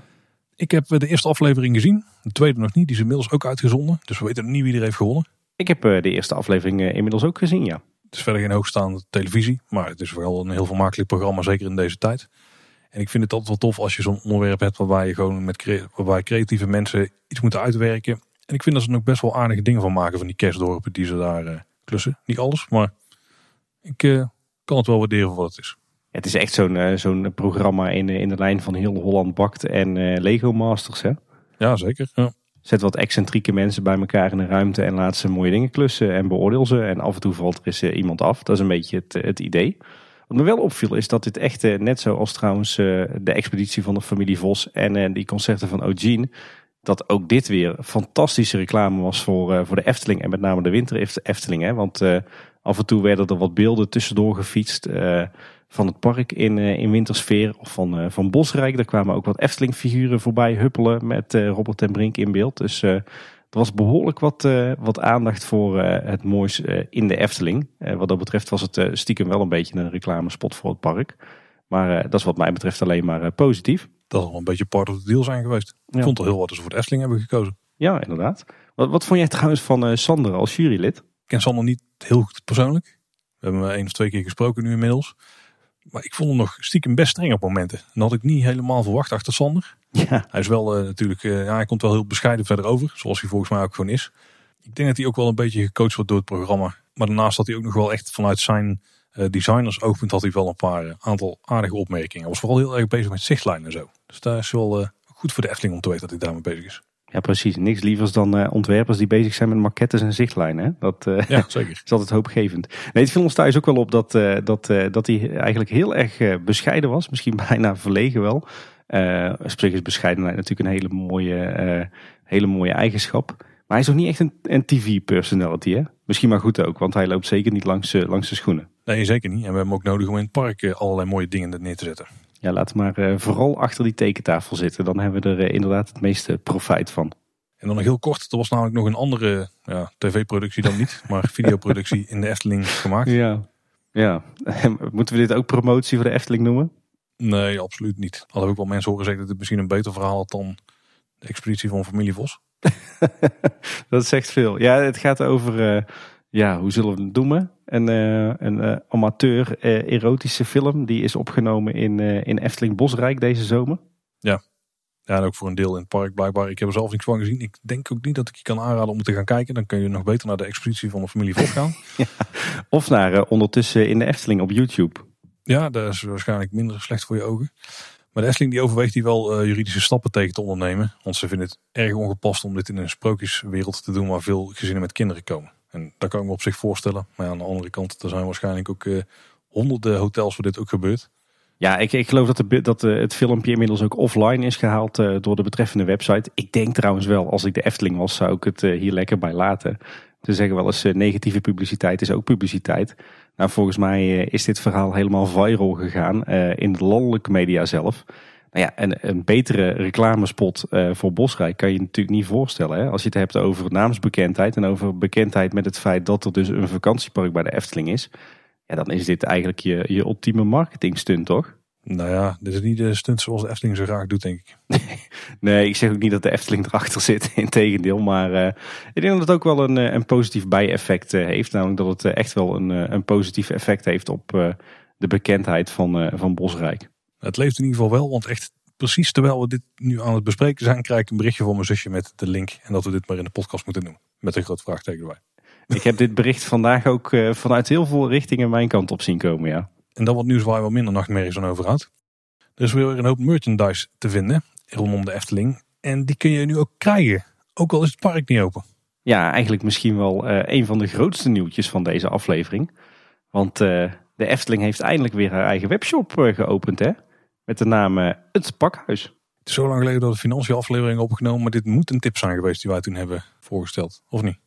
Volgens mij wel, ja. We hebben het er wel eens eerder over gehad. je vindt het pakhuis trouwens op webshop.efteling.com. is trouwens wederom een idee van medewerkers zelf van de afdeling retail of merchandise. De webshop is vooral ingegeven natuurlijk door de lockdown. En de eerdere webshop die de Efteling had, die stopte in 2015, want die was, was niet rendabel. Uh, wel even een kanttekening. Uh, de manager retail van de Efteling die zegt op LinkedIn dat uh, de webshop tijdelijk is. Dus vooral nu voor de coronasluiting. en ze hebben trouwens die webshop en de hele distributie in een week geregeld met het, het eigen team. Dus toch een goede prestatie denk ik. Ja, ik gebruik dus uiteindelijk Shopify hebben gebruikt als platform. En daardoor wordt er al een hoop voor je geregeld. Dus ook erg snel gedaan. Ja. Wat kun je er nou krijgen? Er zijn op dit moment 100 verschillende producten in de categorieën keuken en tafelen kleding, speelgoed, vrije tijd en hobby en wonen en decoratie. Dus met 100 producten is het nog niet zo heel veel. Uh, wat denk ik wel een nadeel is dat bezorging alleen in Nederland is. Als je nou ook Belgische liefhebbers mee had kunnen bedienen, dan denk ik ook voor de toekomst veel interessanter zou zijn. Want er zijn mensen die gewoon minder snel ook naar de Efteling komen. Ook mensen uit Groningen overigens trouwens. Dus misschien is dat niet het beste argument. Maar die klachten heb ik wel vaak gehoord. Ja, ja heel van onze luisteraars eh, uit België die in eerste instantie heel blij waren met een webshop. Omdat ze stiekem eh, nog eh, op een heleboel eh, Efteling souvenirs zaten te azen.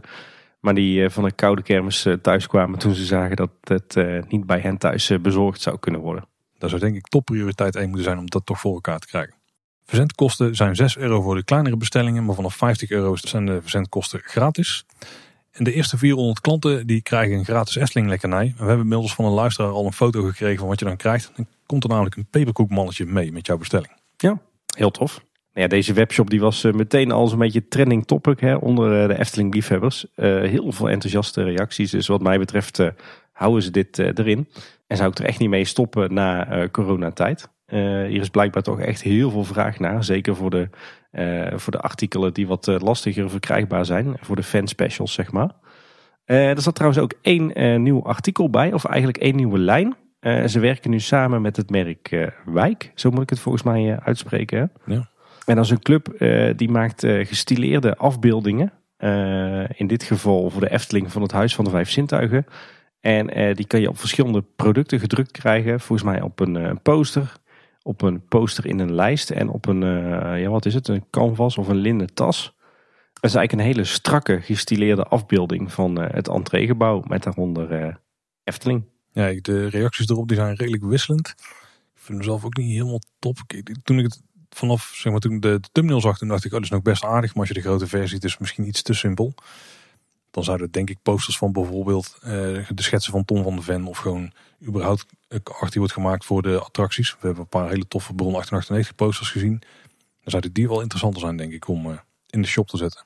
Ja, en kijk vooral naar uh, de attractieposters in Disneyland Parijs. Hè, die je vindt in de onderdoorgang als je vanuit de entree richting Main Street loopt echt die, die hele toffe vintage posters helemaal per attractie gethematiseerd. Dat zou natuurlijk ook heel erg tof zijn voor de Efteling in een Efteling stijltje. Ja, en wil je toch meer naar een hele strakke stijl. Ja, maar zet er dan bij wijze van spreken de originele AutoCAD tekeningen op, weet je wel. Dat heeft ook weer zo zijn charme. Maar dit was eigenlijk vlees nog vis. Dit was van alles net niks. Ja, er zijn nog wel een paar artikelen die dan toch mis. De suggestie die we langs hebben zien komen waren de Piekse muisjes. Nou, dit is denk ik de perfecte plek om die te verkopen. We hebben wel gehoord ook weer dat ze in principe niet meer gemaakt worden nu. Maar start gewoon die productie nog een keer opvragen. Nog een keer uh, een open aan en verkoop ze via die shop. Volgens mij vliegen die echt als op warme muizen over de toonbank. En ik zag ook nog een suggestie langskomen van Jelmer. Daar hebben wij de tweede bierspecial mee opgenomen. Samen met ja. ook. En die zei van waarom verkoop je nou de Efteling bieren ook niet via dat platform? Ja, en ook als uh, lekker bierpakketje dan? Ja, precies. Dat zou ook heel tof zijn. Want er zouden namelijk ook een uh, extra op, nou ook een extra aflevering kunnen doen, Tim, waar we alle bieren gaan proeven. En dan kan iedereen gewoon meeproeven, want iedereen kan zijn setje bestellen. Dat zou toch top zijn? Klinkt als een uh, prima groepsactiviteit. Ja, nou, dat kan zelfs op afstand. Dus ja. Efteling, maak er werk van. Zet die biertjes erop. Dan uh, scoor ik er een uh, aantal voor in mijn koelkastje. En ik denk ook nog wel wat meer mensen die op dit moment luisteren.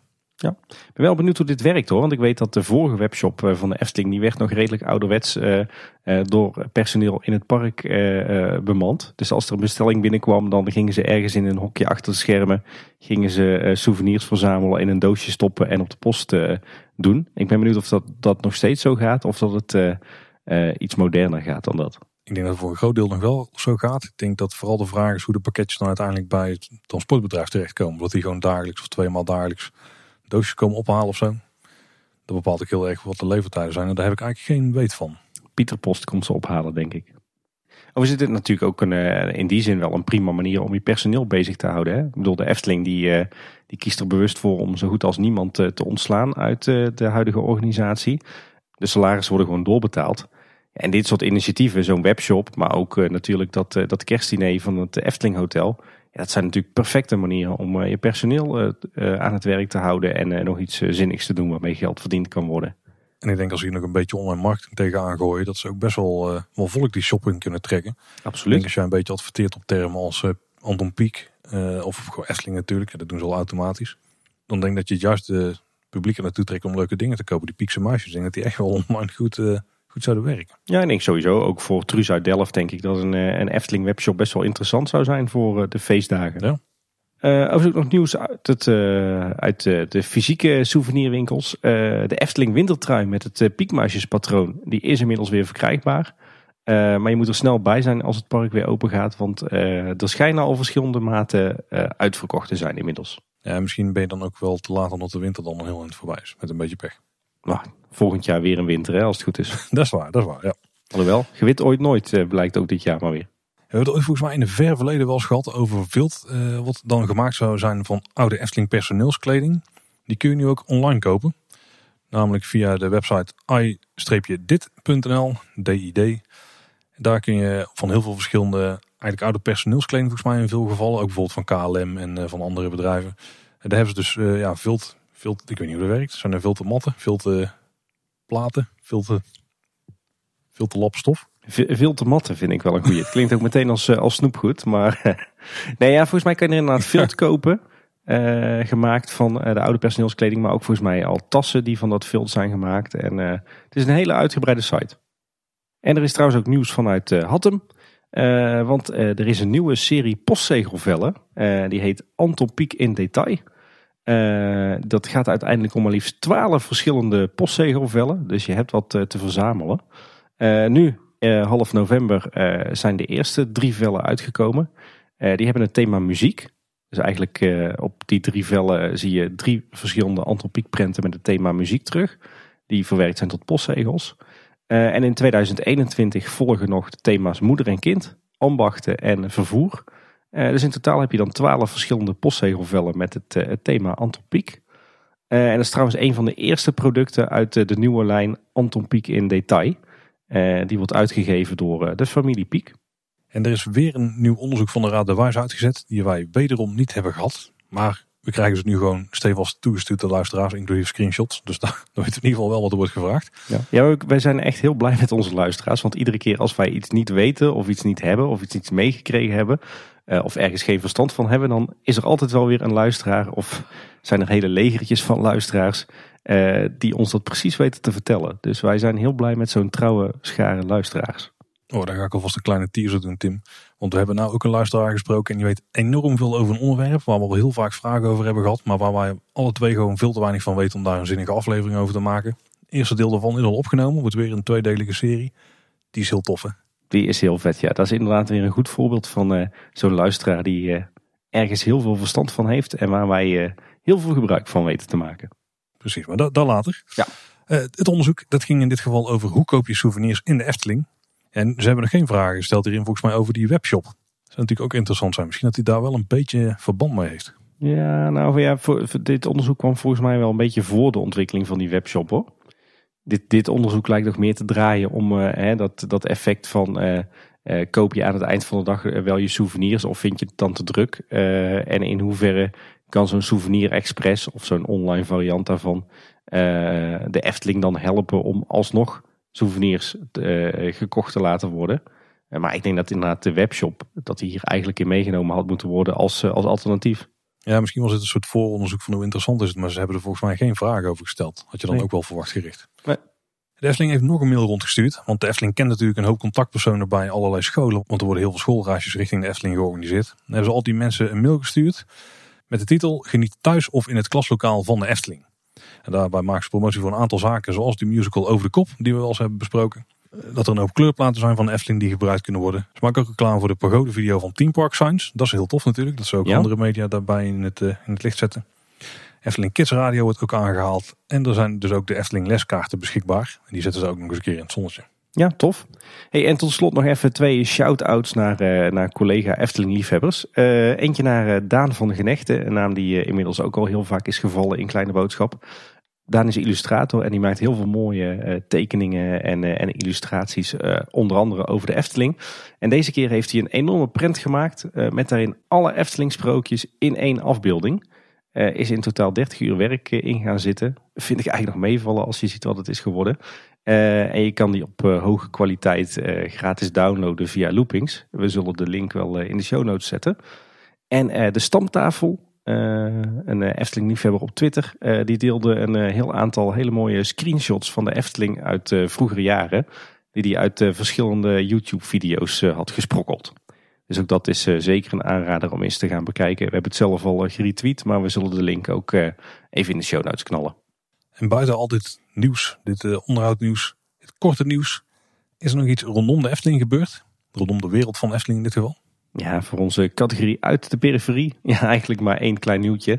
Het uh, viel mij vandaag op dat er uh, wederom nieuwe bordjes zijn geplaatst langs de Europalaan. Eh, dus de weg zeg maar, vanaf eh, de N62 richting de Efteling.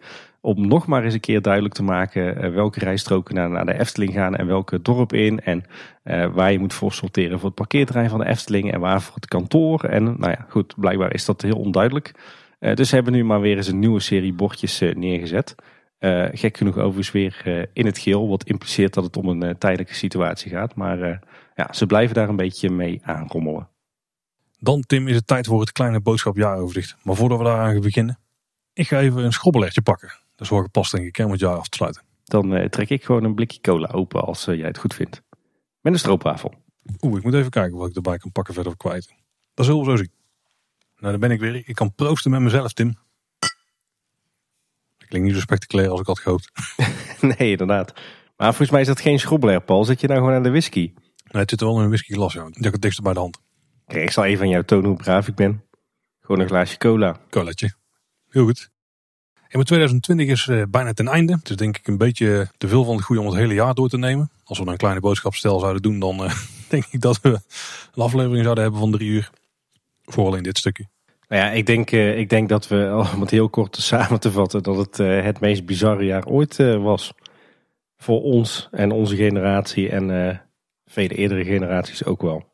Dat is uh, absoluut zo, ja. Nou, het was niet per se een, groot druk jaar. Want er waren ook zeker wel mooie dingen in het jaar te vinden. Maar het was absoluut een bijzonder jaar, ja. Ja, we, we focussen ons hier natuurlijk op de Efteling en op uh, onze podcast Kleine Boodschap. we hebben er wel voor gekozen om niet een weer uitgebreid het jaar door te gaan lopen met alles wat er gebeurd is in de Efteling en de wereld daaromheen.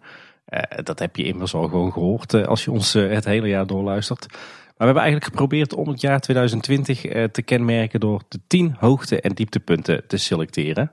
Uh, dat is uh, aardig gelukt en dan zie je dat er stiekem toch behoorlijk wat uh, gebeurd is dit jaar.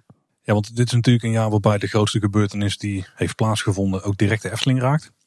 En dat was denk ik ook wel absoluut het dieptepunt van het jaar. De coronacrisis of überhaupt het feit dat er een enorm vervelend virus de wereld rondgaat. Wat onder andere heeft geresulteerd in het sluiten van het park. Dat is natuurlijk voor onze podcast heel erg relevant. Ja, tot drie keer toe uh, weten we inmiddels. Ja, en de bijbehorende financiële problemen voor de Efteling. Hè. Laten we dat, dat vooral niet vergeten. We weten nog niet hoe groot ze zijn. Dat gaan we volgend jaar uitgebreid voor jullie uitpluizen. maar we weten wel dat de Efteling het financieel momenteel heel zwaar heeft. En dat zich dat ook vertaalt in consequenties voor het personeel, voor investeringen, voor onderhoud. heel begrijpelijk, maar wel heel jammerlijk natuurlijk. Maar ondanks dat is er toch een eh, redelijk grote attractie geopend. Maxi Morts met bijhorende ja, verbouwde horeca vrouw Bolters Kuchen. Dat is dan toch wel weer een van de hoogtepunten van het jaar geweest. Absoluut, ja. Ja, en verder namen we natuurlijk, of nemen we eigenlijk afscheid van het Efteling Golfpark in 2020. Hè? Er blijft een golfpark bestaan binnen de wereld van de Efteling, maar die wordt niet meer uitgebouwd door de Efteling zelf. Ja. Nee. Ja, en dan een punt, Tim, wat wij regelmatig hebben aangehaald, waar we niet onderuit kunnen. En als daar een kleine update van is, hoe minuscuul ook, dan moeten we daar meteen bij stilstaan. Ons bestaansrecht, inderdaad. En daar is natuurlijk de bestemmingsplanprocedure Wereld van Efteling 2030. En wat er allemaal mee gebeurd is rondom de Raad van State. Want de Raad van State is ook wel een, een term waar je heel veel mee kapot bent gegooid in de afgelopen maanden. Die hoort zeker thuis op de kleine boodschap bingo kaartje. Zo ja, absoluut. Een nieuwe toevoeging. Ja, die procedure die, eh, Die loopt gewoon weer vrolijk verder hè, na de, de laatste zitting bij de Raad van State. En de tussenuitspraak daarna in oktober van dit jaar. En ja, laten we hopen dat we daar volgend jaar eindelijk definitief uitsluitsel over krijgen. En daarnaast is er weer een attractie gesloten in de Efteling. In dit geval Polka Marina. Ja, en daarmee hangt het toch een beetje samen dat we aan de andere kant ook een aankondiging hebben gekregen voor een, een nieuwe attractie, tussen aanhalingstekens. speeltuin Nest. Nest. Kijk, zo hoort hij Paul. En een andere toevoeging die we dit jaar hebben gekregen is Aquanura met de zachte G. Wat ook een verrassend hoger hoogtepuntje was dan ik had verwacht van tevoren. Absoluut. Wij hadden de eer om erbij te mogen zijn eh, bij eh, de première. Maar we hebben er toch eh, veel te kort van kunnen genieten. Het moet ook bijna wel dat we die in 2021 weer terug gaan zien. Ja, ik kan me haast niet anders voorstellen. Zeker in de zomer. Die show is zo mooi, die verdient, verdient een nieuw podium. Wat ik trouwens een, een onverwacht hoogtepuntje vond, was de vervanging van de grote zweefmolen. Ja, er zijn natuurlijk heel veel onderhoudsklussen in de wereld van de Efteling in een jaar. Ik bedoel, ze komen allemaal hier voorbij bij Kleine Boodschap. Precies. Maar dit was er eentje die hadden we en niet zien aankomen en hij pakte verrassend goed uit. Ja, hij werd eh, zeer grondig uitgevoerd inderdaad en eh, met een, eh, een schitterend resultaat. De, absoluut, ja zeker. En dan nog een hele grote verrassing. Ook iets wat we niet hadden zien aankomen van tevoren. Want de Efteling moest anders omgaan met de winter Efteling dit jaar. En een van de resultaten daarvan was dat de invulling van de speelweide anders was. Want dit jaar kregen we de warme winterweide als vervanging van het IJspaleis. En dat pakte ook verrassend goed uit. Dat was eh, stiekem toch ook een, eh, een hoogtepuntje. Zeker in het begin toen er eh, nog optredens waren van Jouke en Kendrick en de lichtpuntjes. En toen je er nog lekker kon zitten bij de, de kampvuren met alle horeca daar rondomheen. dit was toch echt wel een, een sferisch hoogtepuntje in de Efteling. Ja, en dan het laatste, een van de meest recente ontwikkelingen in de wereld van de Efteling. En niet de webshop, die overigens ook natuurlijk een hele prima ontwikkeling is. Voor, in ieder geval in onze ogen. Maar dat is de aankondiging van Bakkerij Krumel. Want die gaat eind 2021 verschijnen. Het duurt nog wel heel lang. Maar over een jaar dan zou die echt open moeten zijn. Ja, dus, dus je ziet wel, 2020 bracht uh, de Efteling echt wel meer dan, uh, dan corona en Raad van State. Stiekem toch best wel een hoop uh, toffe toevoegingen aan het park. En een hoop aankondigingen. Dus er is weer heel wat gebeurd dit jaar. Ja, zeker. Want buiten dit alles, het was natuurlijk het jaar van de financiële problemen. Nou, uitstel van strookrijk zoals we al hadden besproken. Maar ook het Loonse Land is voor een deel overgedragen aan natuurmonumenten.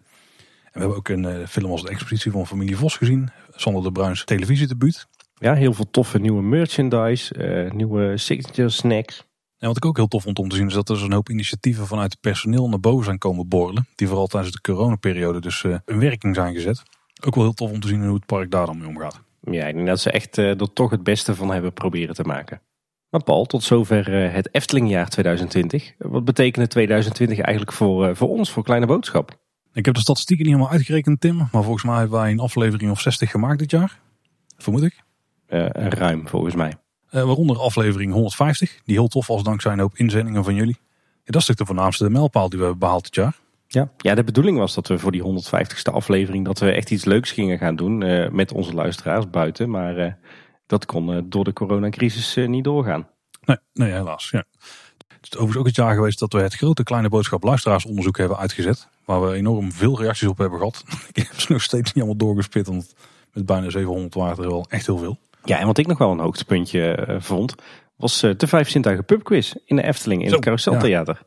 Waar wij uh, met maar liefst twee teams aan meededen dit jaar. En dit was ook echt nog kantje boord dat hij door kon gaan of niet? Ja, nou, volgens mij ging een week later brak de hele corona-pleuris uit. Ja, die was inderdaad heel tof, ja. Daar kijk ik ook wel echt naar uit, naar een nieuwe editie daarvan. Ja, ik geloof dat we dan met uh, drie teams moeten gaan meedoen onderhand. Dus uh, dat gaat lekker. ja. Oeh, dan moeten we wel een teamcaptain kiezen voor team 3. Dan ben ik wel benieuwd. Ja, en wat, wat ons natuurlijk ook wel raakte was, uh, was die eerste coronasluiting. Hè, waarin de, de Efteling 2,5 maand lang dicht was. Gelukkig was er, was er iedere twee weken wel weer genoeg nieuws te melden.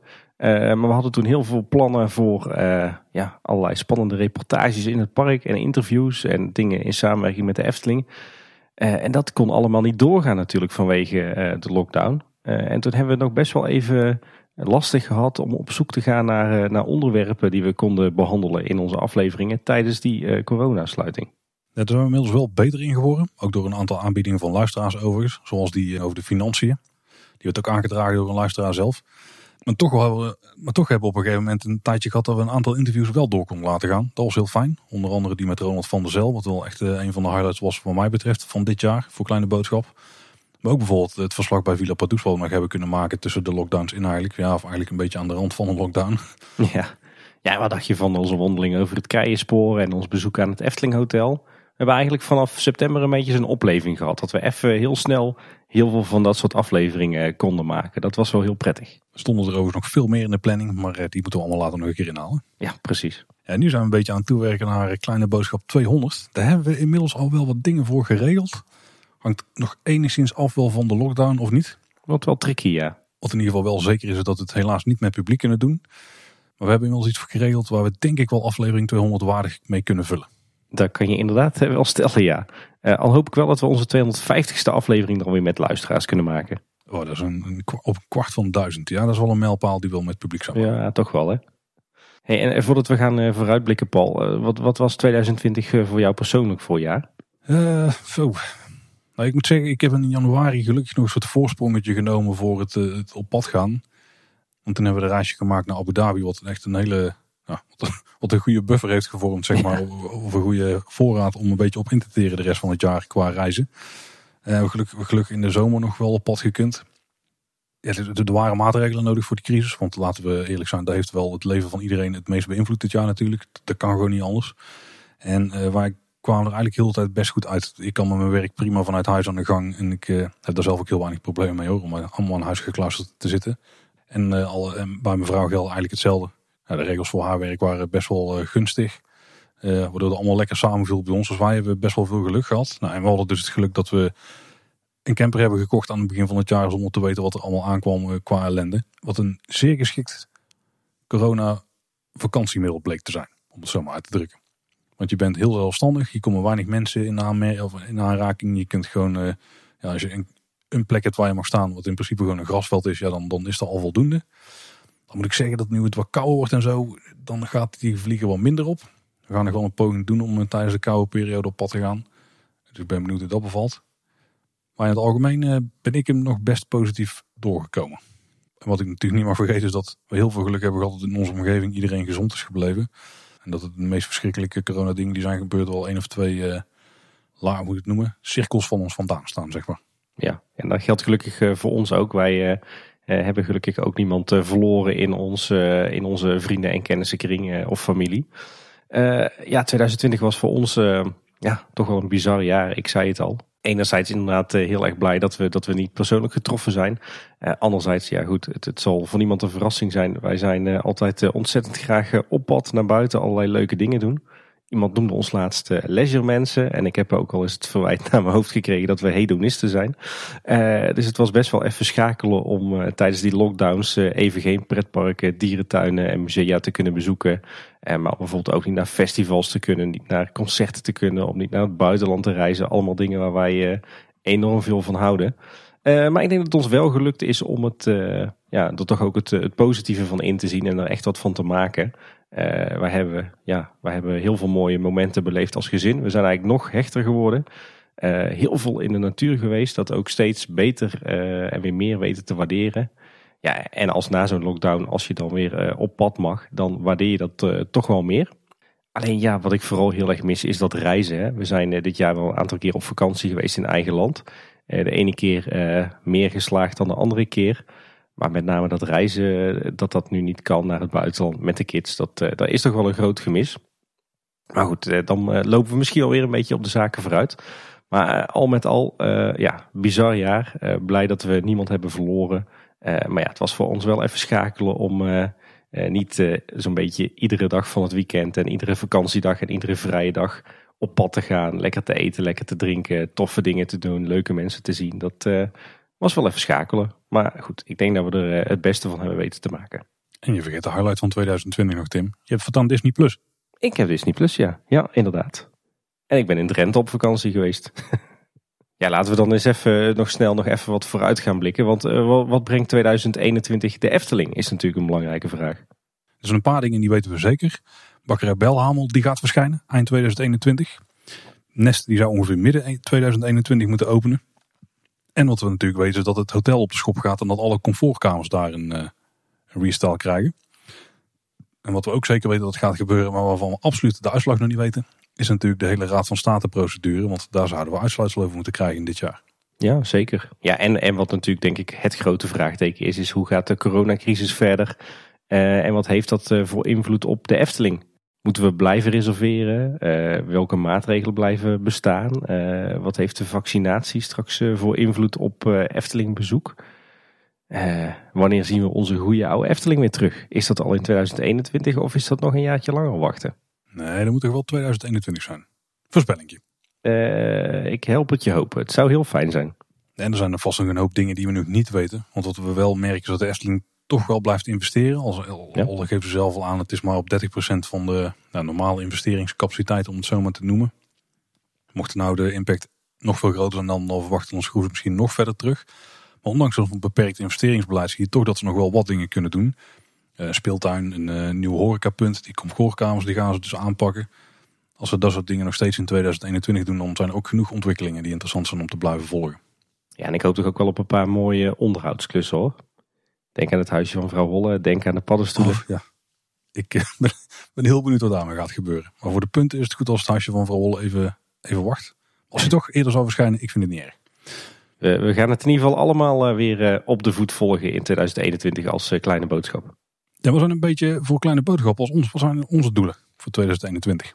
Ja, we hebben, we hebben onszelf een aantal doelen gesteld. Ze zijn wel allemaal even heel erg afhankelijk van, eh, van hoe de coronacrisis verder gaat. Maar wat in ieder geval onze doelstellingen zijn voor het nieuwe jaar, is dat we nog vaker om tafel willen met, uh, met experts over uh, onderwerpen. Uh, dat, we, dat we meer interviews willen, nog meer interviews dan we al, al hebben. Met zowel mensen die bij de Efteling werken als oud-Eftelingers.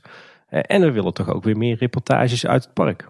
Alleen van de laatste zijn we al heel erg afhankelijk van wat de Efteling gaat openen. Want er moet wel ergens over te reporteren zijn. Ja, en we willen natuurlijk ook, ook gewoon nog met z'n tweetjes uh, het, het, park in. En uh, eens verslag doen van wat dingen die we zien en die we meemaken. Nou, als we weer gewoon uh, zonder restricties het park in mogen, dan geeft er sowieso een hoop meer mogelijkheden. Hey, en 2021 wordt het jaar dat we onze studio gaan openen. Ja, inderdaad. Ik hoorde het net van je. hey, en 2021, wat, wat, wat gaat het jou persoonlijk brengen? Of waar kijk jij heel erg naar uit? Ben er nog niet echt mee bezig eigenlijk. Ik uh, moet eerlijk zeggen dat we redelijk van, nou, wat zal het zijn? Niet week tot week, maar van maand tot maand leven op dit moment. Gewoon kijken wat ik kan en daar een beetje op aanpassen. En ik denk dat dat in de eerste maanden van 2021 nog blijft. Um, maar waar ik in ieder geval naar uitkijk is dat ik een spuit in mijn krijg. Met een uh, vaccin erin, mogelijk twee. Ja, dat het dan toch steeds weer meer kan. Hè? Ja. Daar kijk ik wel uit. Ja, dat geldt voor mij ook. Wij, wij leven momenteel echt, uh, echt met de week. Uh, zeker nu in, in de lockdown met de kinderen thuis. Uh, nee, ik kijk ook vooral uit uh, naar die twee uh, shots in mijn, arm. ik, ik kan niet wachten tot het vaccin er is en totdat we ingeënt kunnen worden. Ja, en dan hopelijk weer lekker op reis naar het buitenland. nieuwe steden en landen ontdekken. weer lekker veel naar de parken, liefst zonder restricties. misschien alweer een keertje naar een festivalletje, naar een concert. Alhoewel, ik houd er wel rekening mee dat, dat het nog wel even kan gaan duren voordat het allemaal weer kan. Maar ja, ik, ik kan niet wachten tot, tot we weer lekker op pad kunnen. En ondertussen natuurlijk gewoon uh, een volle bak uh, kleine boodschap maken. Hè? Oh, daar heb ik ook wel zin in komend jaar weer. Ja, dan beginnen we toch weer een beetje richting het eind van de aflevering te komen, Tim. Dit was wat ons betreft de afsluiter van 2020 qua kleine boodschap. Zeker. Maar voordat we weggaan, en dan nog dit. Ja, inderdaad. Onze, onze vaste categorie aan het einde van de nieuwsafleveringen tegenwoordig. Hè? De categorie met uitsmijters, ja. hè, zo moeten we ja. eigenlijk noemen. Laten we eens beginnen met wat felicitaties. Uh, die hebben we ook al in de aflevering daar zelf geuit. Maar uh, Team Talk is uh, op dit moment de grens van 150 afleveringen doorschreden. En daar willen ze gewoon nogmaals mee feliciteren. Ja, gefeliciteerd mannen. En ik ga nu nog een tip geven, maar ik weet nog niet wat die waard is. Dat is mooi hè? Ja. Maar er is nog een pretpark podcast verschenen. Tenminste, hij is aangekondigd, maar ik heb er nog geen aflevering van langs zien komen. En ik heb dus ook nog geen aflevering kunnen luisteren erover. maar volgens mij de mensen die erachter zitten, die weten wel waar ze mee bezig zijn. En is een podcast over een pretparkketen eigenlijk in dit geval. Waar we eigenlijk, ja, die maar zelden wordt behandeld binnen het huidige pretpark podcastlandschap. En dat is de Universal, ja, hoe moet je het eigenlijk noemen? De Universal pretparkengroep. Dus Universal Studios, maar ook Guardians of Adventure. En die zit natuurlijk in meerdere landen in de wereld. Meerdere werelddelen ook. Het, eh, het Universal Universe. Ja, je krijgt wel Universal's Epic Universe. Maar het is natuurlijk een pretparkketen waarvan we in Europa geen park hebben. Dus veel van mensen iets verder van, uh, van ons bedshow. Maar er komt dus nu een Nederlandse podcast om dit gewoon ook te volgen. En dat is de Upper Lot podcast. En de Upper Lot komt natuurlijk van, uh, van het Universal Studios Park in California. Waar je een Upper Lot en een Lower Lot hebt. Dat is eigenlijk gewoon een oude studioomgeving. Uh, die verdeeld is over ja, twee delen van, uh, van een berg, zeg maar. Dus je hebt de bovendeel en het lager gelegen deel. Ik heb er dus nog niks van gehoord. Dus ik weet niet wat die waard is. Maar ik ga wel wat gras voor hun moeten wegmaaien, Tim. Vertel. Nou, de vorige aflevering haalden we al het Super Nintendo World eh, gebied aan wat geopend gaat worden in Universal Studios Osaka. En daar is nu een, nog een video over verschenen. En in dit geval was het een tour door een van mijn eh, persoonlijke helden, Shigeru Miyamoto. Dat is de persoon die Mario heeft bedacht ooit en die eerste game heeft ontworpen en uitgewerkt. En later ook Zelda heeft bedacht en uitgewerkt. De grootste game designer in mijn ogen die er ooit heeft geleefd. Ook verantwoordelijk voor Donkey Kong, uh, Pikmin. Nou, echt bergen met goede Nintendo games. Ik uh, geloof je meteen, Paul. En de video stelde zichzelf voor als de vader van Mario. Dat is niet gelogen. Dat is verder wel een bescheiden man overigens. Uh, maar die neemt je mee door de wereld. En daarbij zie je dus dat ook het themagebied zelf is ook al een attractie op zich in dit geval. Want je kunt er ook zo'n polsbandje meenemen. Die kun je denk ik kopen, een beetje vergelijkbaar met de Magic Band. Er zit ook NFC in en allerlei communicatietechnieken. En daarmee kun je dus interactie met, het, met de omgeving hebben. Je kunt dat dan ook koppelen aan je telefoon. Dat is verder optioneel. Er staat een QR-code op de achterkant van het ding. En dan krijg je wat statistieken die kun je bijhouden in je, in je telefoon. De bedoeling is dat je daar echt het, gebied mee gaat ontdekken. En als je dan bijvoorbeeld van die eh, blokken hebt, van die vraagtekenblokken. Of muntjesblokken die je in de wereld tegenkomt. Dan kun je er ook tegen aanslaan met je hand. En dan uh, kun je op die manier munten verzamelen. Met dan ook punten. En dan kun je echt minigames, fysieke minigames in het land spelen. Dus je doet dan niks op je telefoon. Dus er gaat zo'n Koopa-schild, die gaat dan over de grond heen en weer door een buis. En als hij op het juiste moment in de buis zit en je kunt het goed timen, dan komt hij uit de buis omhoog en dan pakt hij een sleutel. En volgens mij is het idee dat je meerdere sleutels vindt en dan kun je uiteindelijk een soort mini-baas ergens, uh, nou daar kun je dan mee de strijd aangaan. Hoe dat precies werkt is niet helemaal duidelijk, want dat liet ze het niet zien. Heel tof. En wat verder heel tof is, is hoe ze daar zijn omgegaan met het restaurant. En uh, hoe ze dat dan aankleden in de Mario-stijl. En vooral de gerechten die ze dan serveren. Heel veel geïnspireerd op uh, paddenstoelen. Want die kun je natuurlijk verzamelen om groter te worden. In, of om extra levens te verkrijgen in het spelletje. Uh, maar heel veel dingen die zijn daarop vorm gegeven. Of die hebben champignons als een belangrijk ingrediënt. Dus dat is heel tof. En ze liet ook nog zien van de winkel. En je kreeg de eerste blik aan de binnenkant van een attractie. Tenminste, die blik hadden we al eerder gekregen. Die ging nu ook niet heel veel verder. Maar er zijn ook best wel veel dingen die we niet weten. En al en zelfs nu al ziet het er weer indrukwekkender uit dan ik de vorige keer al dacht. Want het zit gewoon heel erg goed doordacht in elkaar. Maar ben ik wel heel bang dat je straks niet in het gebiedje op plekken waar je eigenlijk iets zou moeten kunnen ontdekken. Van die mini wachtrijtjes krijgt. Eh, dus, waardoor je eigenlijk al, uh, ja, waardoor het voor je verklapt wordt wat daar te doen is. Zeg maar. Van, oh, er staat een rijtje, dan moet je waarschijnlijk weer rechts tegenaan rammen en dan komt het goed. Nou, wat er trouwens ook in zit, ik vind het bijna te vertellen, is een soort mini walkthrough attractie.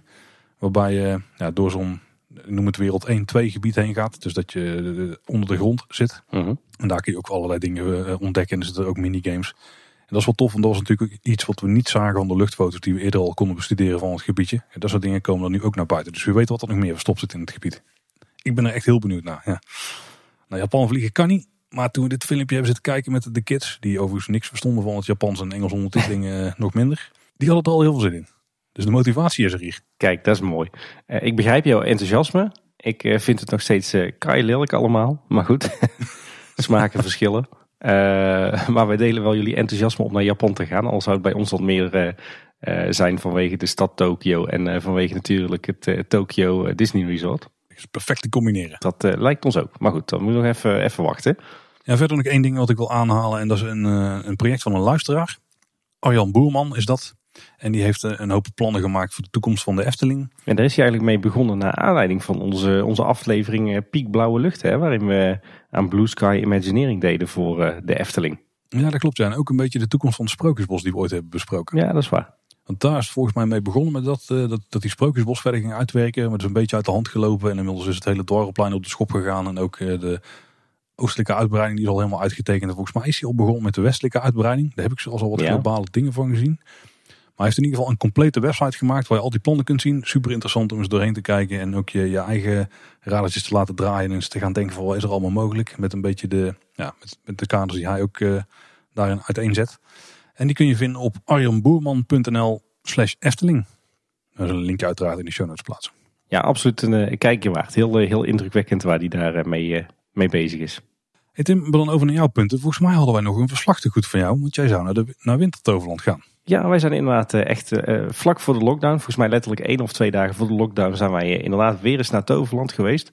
We zijn stiekem denk ik dit jaar vaker in Toverland geweest dan we van tevoren dachten. Volgens mij hadden we onderhand beter een abonnement kunnen nemen, maar goed. Uh, ja, naar de wintereditie van Toverland geweest dus. ik moet zeggen, hadden ze goed voor elkaar. Het, het hele winterse thema dat was met name buiten te vinden in het, het Ithaca gedeelte bij Troy. daar hadden ze wat muzikaal entertainment. Daar mocht het nog wel. Eh, best wel tof gedaan. Showtje voor de kinderen en iets met uh, muziek. Uh, daar stonden wat vuurschalen waar je marshmallows in kon roosteren.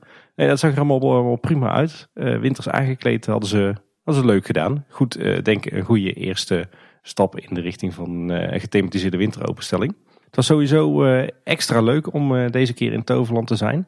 Uh, onze jongste die is inmiddels uh, boven de 90 centimeter en onze oudste boven de meter. Dus die mochten ineens allebei in veel meer attracties dan uh, de vorige keer.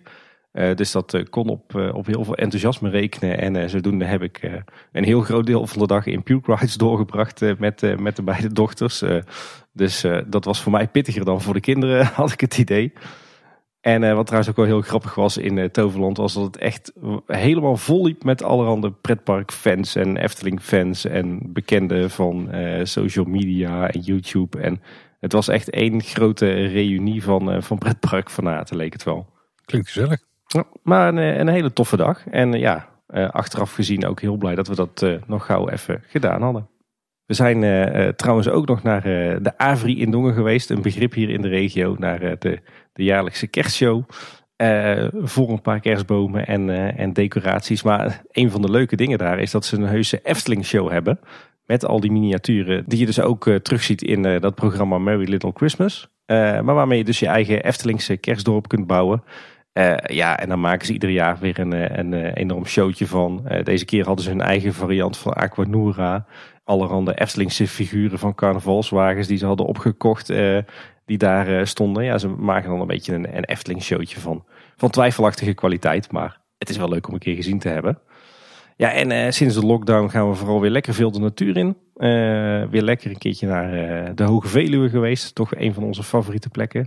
altijd heel mooi om te bezoeken, ook, ook zo in de winter. Hadden ze trouwens een heel horecaplein in elkaar geklust nu. Dus ja, ergens wel vreemd dat dat dan wel mag. Maar goed, het was wel heel, heel sfeervol en vooral ook heel goed eten daar. Vooral heel veel wild wat daar in het park geschoten was, wat je vervolgens daar kunt, kon oppeuzelen. En, en we zijn zo waardig met een ezeltje gaan wandelen in de Oostenrijkse bossen.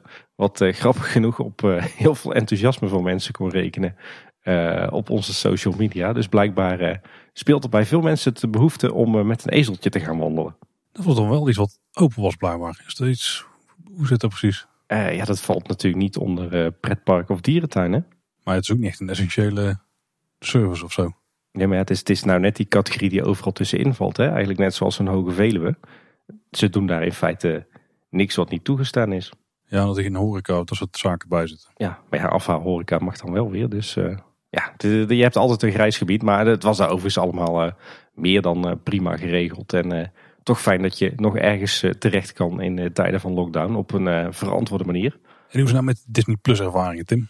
Ja, ik, ik zie steeds meer Disney klassiekers in het huis voorbij komen. ja, nou, daar is het ideaal voor. Hè? Die dvd's kunnen allemaal in de kast blijven. Ja, die zijn ook al voor een deel richting de prullenbak uh, verhuisd. Oh, is dat zo? Hè? Ja, die waren in een dusdanig slechte staat inmiddels dat, uh, dat die niet meer nodig zijn. Nou ja, en we zijn natuurlijk nog steeds uh, de Imagineering Story aan het, aan het kijken. Alhoewel we weinig tijd over hebben voor tv. Nou ja, echt, echt heerlijk hè, die, die docu-serie. Ik ben trouwens wel benieuwd. Ik, je, je, ziet in de Imagineering Story echt de hoogte en de dieptepunten van Walt Disney Imagineering. Ook de jaren dat het slechter gaat. Maar wat mij opvalt is dat er een bepaalde vibe hangt. He, zo van echt alle creatievelingen en techneuten in één groot team. Lekker veel brainstormen, lekker veel ontwikkelen, heel veel fouten maken, dingen die misgaan. Maar het gaat altijd om die creativiteit, om de innovatie, om kwaliteit vooral. Wat is nou die Disney kwaliteit? Uh, echt vrije geesten, weet je wel. En ik ben stiekem wel benieuwd of er nou ook zo'n vibe bij de ontwerpafdeling van de Efteling hangt. Nou, ik denk dat die vibe op dit moment eigenlijk ook niet meer bij Walt Disney Imagineering hangt, hoor.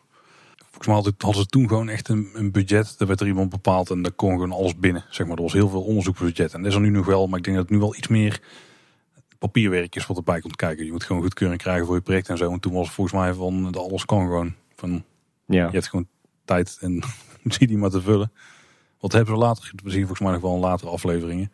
Dan uh, gaan ze er wel een beetje op interen. Of nou, heel erg zelfs. Ja. Nou, ik vond het met name onder de indruk van die continue focus op die, die kwaliteit, kwaliteit, kwaliteit, weet je wel. Ja, en, en ik vroeg me dan meteen af van, uh, kunnen we niet uh, een soort van Eftelingse editie van die Imagineering Story maken? Ja, ik zou het wel kunnen waarderen, maar toch ten opzichte van Disney maakt de Efteling wel redelijk uitgebreide making-ofs. Tenminste voor de grote attracties in de laatste jaren. Dus dat doen ze toch eigenlijk al iets die kant op. Al is het dan niet zo mooi gebundeld. Nou ja, kijk, die, die storyline die een, beetje, die beetje in die Imagineering story zit. Hè, van eh, verschillende ontwerpers, verschillende ontwerpstijlen door de jaren heen. Eh, hoogtepunten en dieptepunten. Die, die kan je natuurlijk ook best wel in, in zo'n docu-serie voor de Efteling eh, stoppen. Hè? Eh, stel dat je zegt van nou, we pakken als uitgangspunt die zes afleveringen. Nou, in de eerste aflevering belicht je zo de jaren 50 tot, nou, pak een beetje 1965. Dus dan ben je heel erg bezig met Anton Pieck, Peter Reinders. Eh, misschien de jaren voordat, uh, voor 1952. Uh, met, met, de, sprookjes, met uh, de carousel, met de speeltuin. Nou ja, dat kan natuurlijk een, heel mooi eerbetoon zijn aan, uh, aan de grote meesters, de grote grondleggers van de Efteling. In aflevering 2 belicht je een beetje dat tijdperk van 1965 tot 1980. Dus dan gaat het over de Indische waterlelies, over de opkomst van Tom van der Ven, over het spookslot, hoe dat het keerpunt was in de geschiedenis van de Efteling. Ja, aflevering 3 gaat dan over de roerige jaren 80, hè, met die, al die Tom van der Ven attracties. Aflevering 4 over de jaren 90. Dan komt Paul Beck. Dan komt de Droomvlucht. Dan komt Villa Volta. Ook denk ik nog een hele hoogdravende aflevering qua creativiteit. Uh, maar dan aflevering 5, dan kom je in, in dat sfeertje van begin jaren 2000. Dan komen de Pardoespromenade en de Brink, Panadroom, Vliegende Hollander. Dan wordt het allemaal creatief misschien net wat minder.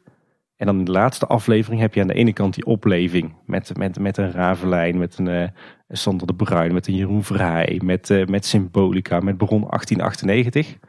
En dan eindigen we met Fabula, Max en Moritz en Nest. Ja, het klinkt perfect. En de Efteling heeft natuurlijk heel veel van die informatie al verspreid over verschillende kleine uitgaves. En ook heel veel magische kokafleveringen in de wereld geslingerd. Maar het is inderdaad het, vooral kwestie om het goed te bundelen en er een, ja. een mooi lijntje in te ontdekken. Maar ik weet niet of dat voor de Efteling de moeite is, want dit leent zich echt gewoon voor een serie van ja, afleveringen van drie kwartier. Eh, die ik denk dat de Efteling er ook met gemak. Nou, ik denk dat ook Disney er wel twaalf had kunnen vullen. Handig. De Efteling moet een stuk of tien ook echt wel lukken. Ja. Ik denk inderdaad dat een groot deel van het materiaal er al is. Uh, oud beeldmateriaal hebben we natuurlijk uh, heel veel. We hebben natuurlijk alle tekeningen. We kennen natuurlijk de verhalen uit de jubileumboeken. En we hebben ook de, de, de vijf zintuigen interviews. Hè, waar ook heel veel mooi beeldmateriaal uh, uit, uit voortkomt. Dus ik denk dat daar best wel iets moois van te maken zou moeten zijn. Ja, die Imagineering Story is ook door een externe productiemaatschappij gemaakt. Door de dochter of kleindochter van Up Iworks. Kleindochter, ja. Dus stel de vijf zintuigen zou zoiets op zich nemen. Dat zou natuurlijk ook heel tof zijn. Ja. En wat ik nou ook zit te denken, die had een tijd geleden, was er niet afgelopen winter of zomer zelfs, had je toch zo'n serie over een dierenpark in Nederland? Die deed best goed op de publieke omroep. Op SBS6 kwam die volgens mij. Volgens mij had hij ook een miljoen uh, kijkers per aflevering. Ja, dat was voor, ging, ging volgens mij over Oude Hans, toch? Dat zou best kunnen, ja. Als Efteling een zonddeal weet uh, te maken, dan, is, dan, dan maak je het ook voor een platform waar ze zoiets kunnen uitzenden. Want ik denk dat dat een beetje het punt is. Dus als je dit maakt, uh, zes tot tien afleveringen van drie kwartier, die zet je niet op YouTube. Dan krijg je denk ik te weinig ervoor terug. Nee, klopt. Ik denk dat dit dat dit juist een prima instrument is om ook aan eh, de gemiddelde truus uit Delft, zeg maar, uh, over te brengen wat, wat de creatieve rijkdom van de Efteling is. Ja, en als je er een beetje een tof pakkend verhaal bij weet te maken, of in ieder geval die elementen eruit weet te pakken, dan denk ik dat er best wel iets is wat kan gaan leven. Ja, misschien zijn we zeer gekleurd qua, qua onze visie hierop, maar nou, er, zijn, er zijn toch wel mogelijkheden. Maar dat idee dat zal er vast al honderd keer zijn geweest. Maar ik denk dat ze heel erg worstelen met hoe gaan we er dan het juiste slaatje uitslaan. Ja. Nou, ik denk dat, we, dat jij wel een goede suggestie geeft. En ik denk dat, dat de geschiedenis van de Efteling en ook de ontwerpgeschiedenis, uh, net als die van Disney, ook uh, voldoende uh, hoogte- en dieptepunten heeft om het ook wel spannend te houden. Dat het niet één grote Hosanna in den hoge aflevering of docu-soap wordt. Nee, dat hoeft het ook zeker niet te zijn. Nee. nee? Nou, een leuk projectje voor de vijf zintuigen in samenwerking met Kleine Boodschap. oh, moeten wij dan ook mee doen? Ja, dan doen wij de voice-over. ja, precies. Uh, ja, op de voorreep nog even wat luistertips. De Looping podcast die, uh, ging in gesprek met uh, Jora Vision over het geheim van een goede dark ride onder andere. En daarin kwamen ook wat klussen voorbij die Jora voor de Efteling heeft gedaan. Onder meer voor Symbolica en Pinocchio. die was heel interessant. En ik vond zelf de aflevering 111 van Zoo Insight ook heel tof. daar brachten ze een bezoekje aan, aan Dierenpark de Oliemeulen in Tilburg. En ik heb volgens mij al eens in de buitenwereld verteld uh, dat ik daar als kind heel veel te vinden was. En dat het ook een beetje een guilty pleasure is. En in die aflevering krijg je een, een heel mooi kijkje achter de schermen. Heel tof. Oké, okay, ik zal hem ook eens gaan checken. Ja, en dan zijn we bij deze echt aan het einde van de aflevering gekomen. En dan eh, denk ik dat we moeten afsluiten met eh, dat we 2020 absoluut niet moeten vergeten. Want laten we bij alles wat we in de toekomst voor leuks gaan doen, onthouden hoe zuur sommige dingen waren in 2020. Waardoor het in de toekomst alleen maar leuker en leuker wordt, Tim. Dat vind ik nou eens een heel, een heel goed motto, Paul. Daar, dat ga ik onthouden. Voor nu in ieder geval een fijne jaarwisseling aan iedereen. Ja, zeker. Fijne, fijne feestdagen nog. En, en een fijn uiteinde en een goed begin, zoals ze dan zo mooi zeggen. Ja, zeker. Nou, wil je ons nou volgen op social media? Wil je ons de beste wensen wensen op, uh, nou, wat zal het zijn, 1 seconde over 12 op... Uh, nee, doe je familie en vrienden maar wat sturen, want die zie je waarschijnlijk niet op dat moment. maar mocht je dat willen doen, dat kan dus onder andere via Twitter. Daar zijn we Edka Boodschap. En op Facebook en Instagram zijn we Kleine Boodschap. We hebben uiteraard een website, kleineboodschap.com. Daar vind je alle afleveringen. Daar vind je ook de show notes waar we naar refereren. Die staan bij de afleveringen opgezomd. Daar vind je ook een contactformuliertje. En je kunt ons ook voor wat langere reacties mailen. Dat kan naar info.kleineboodschap.com. Ja, en verder luister je ons in alle podcast-apps en op eh, Spotify. En mocht je ons nou luisteren op Apple Podcast, dan vinden we het ook hartstikke leuk als je ons een eh, sterrenrating geeft of een, eh, een review schrijft. Ja, en vergeet je zeker niet te abonneren. Als je dat nog niet had gedaan, dan krijg je iedere maandag een nieuwe kleine boodschap in jouw podcastfeed. Ja, en dan rest ons nu niks anders dan jullie ontzettend vanuit de grond van ons hart te bedanken. voor het feit dat jullie ons allemaal zo enthousiast hebben geluisterd in 2020. Uh, voor al jullie reacties, voor al jullie steun, voor al jullie eh, toffe verhalen. We hebben enorm van jullie genoten als uh, luisteraars. Absoluut. Voor nu, dat was hij weer voor deze week. Dat was weer voor dit jaar. Tot de volgende keer. Bedankt voor het luisteren en houdoe. Houdoe maar.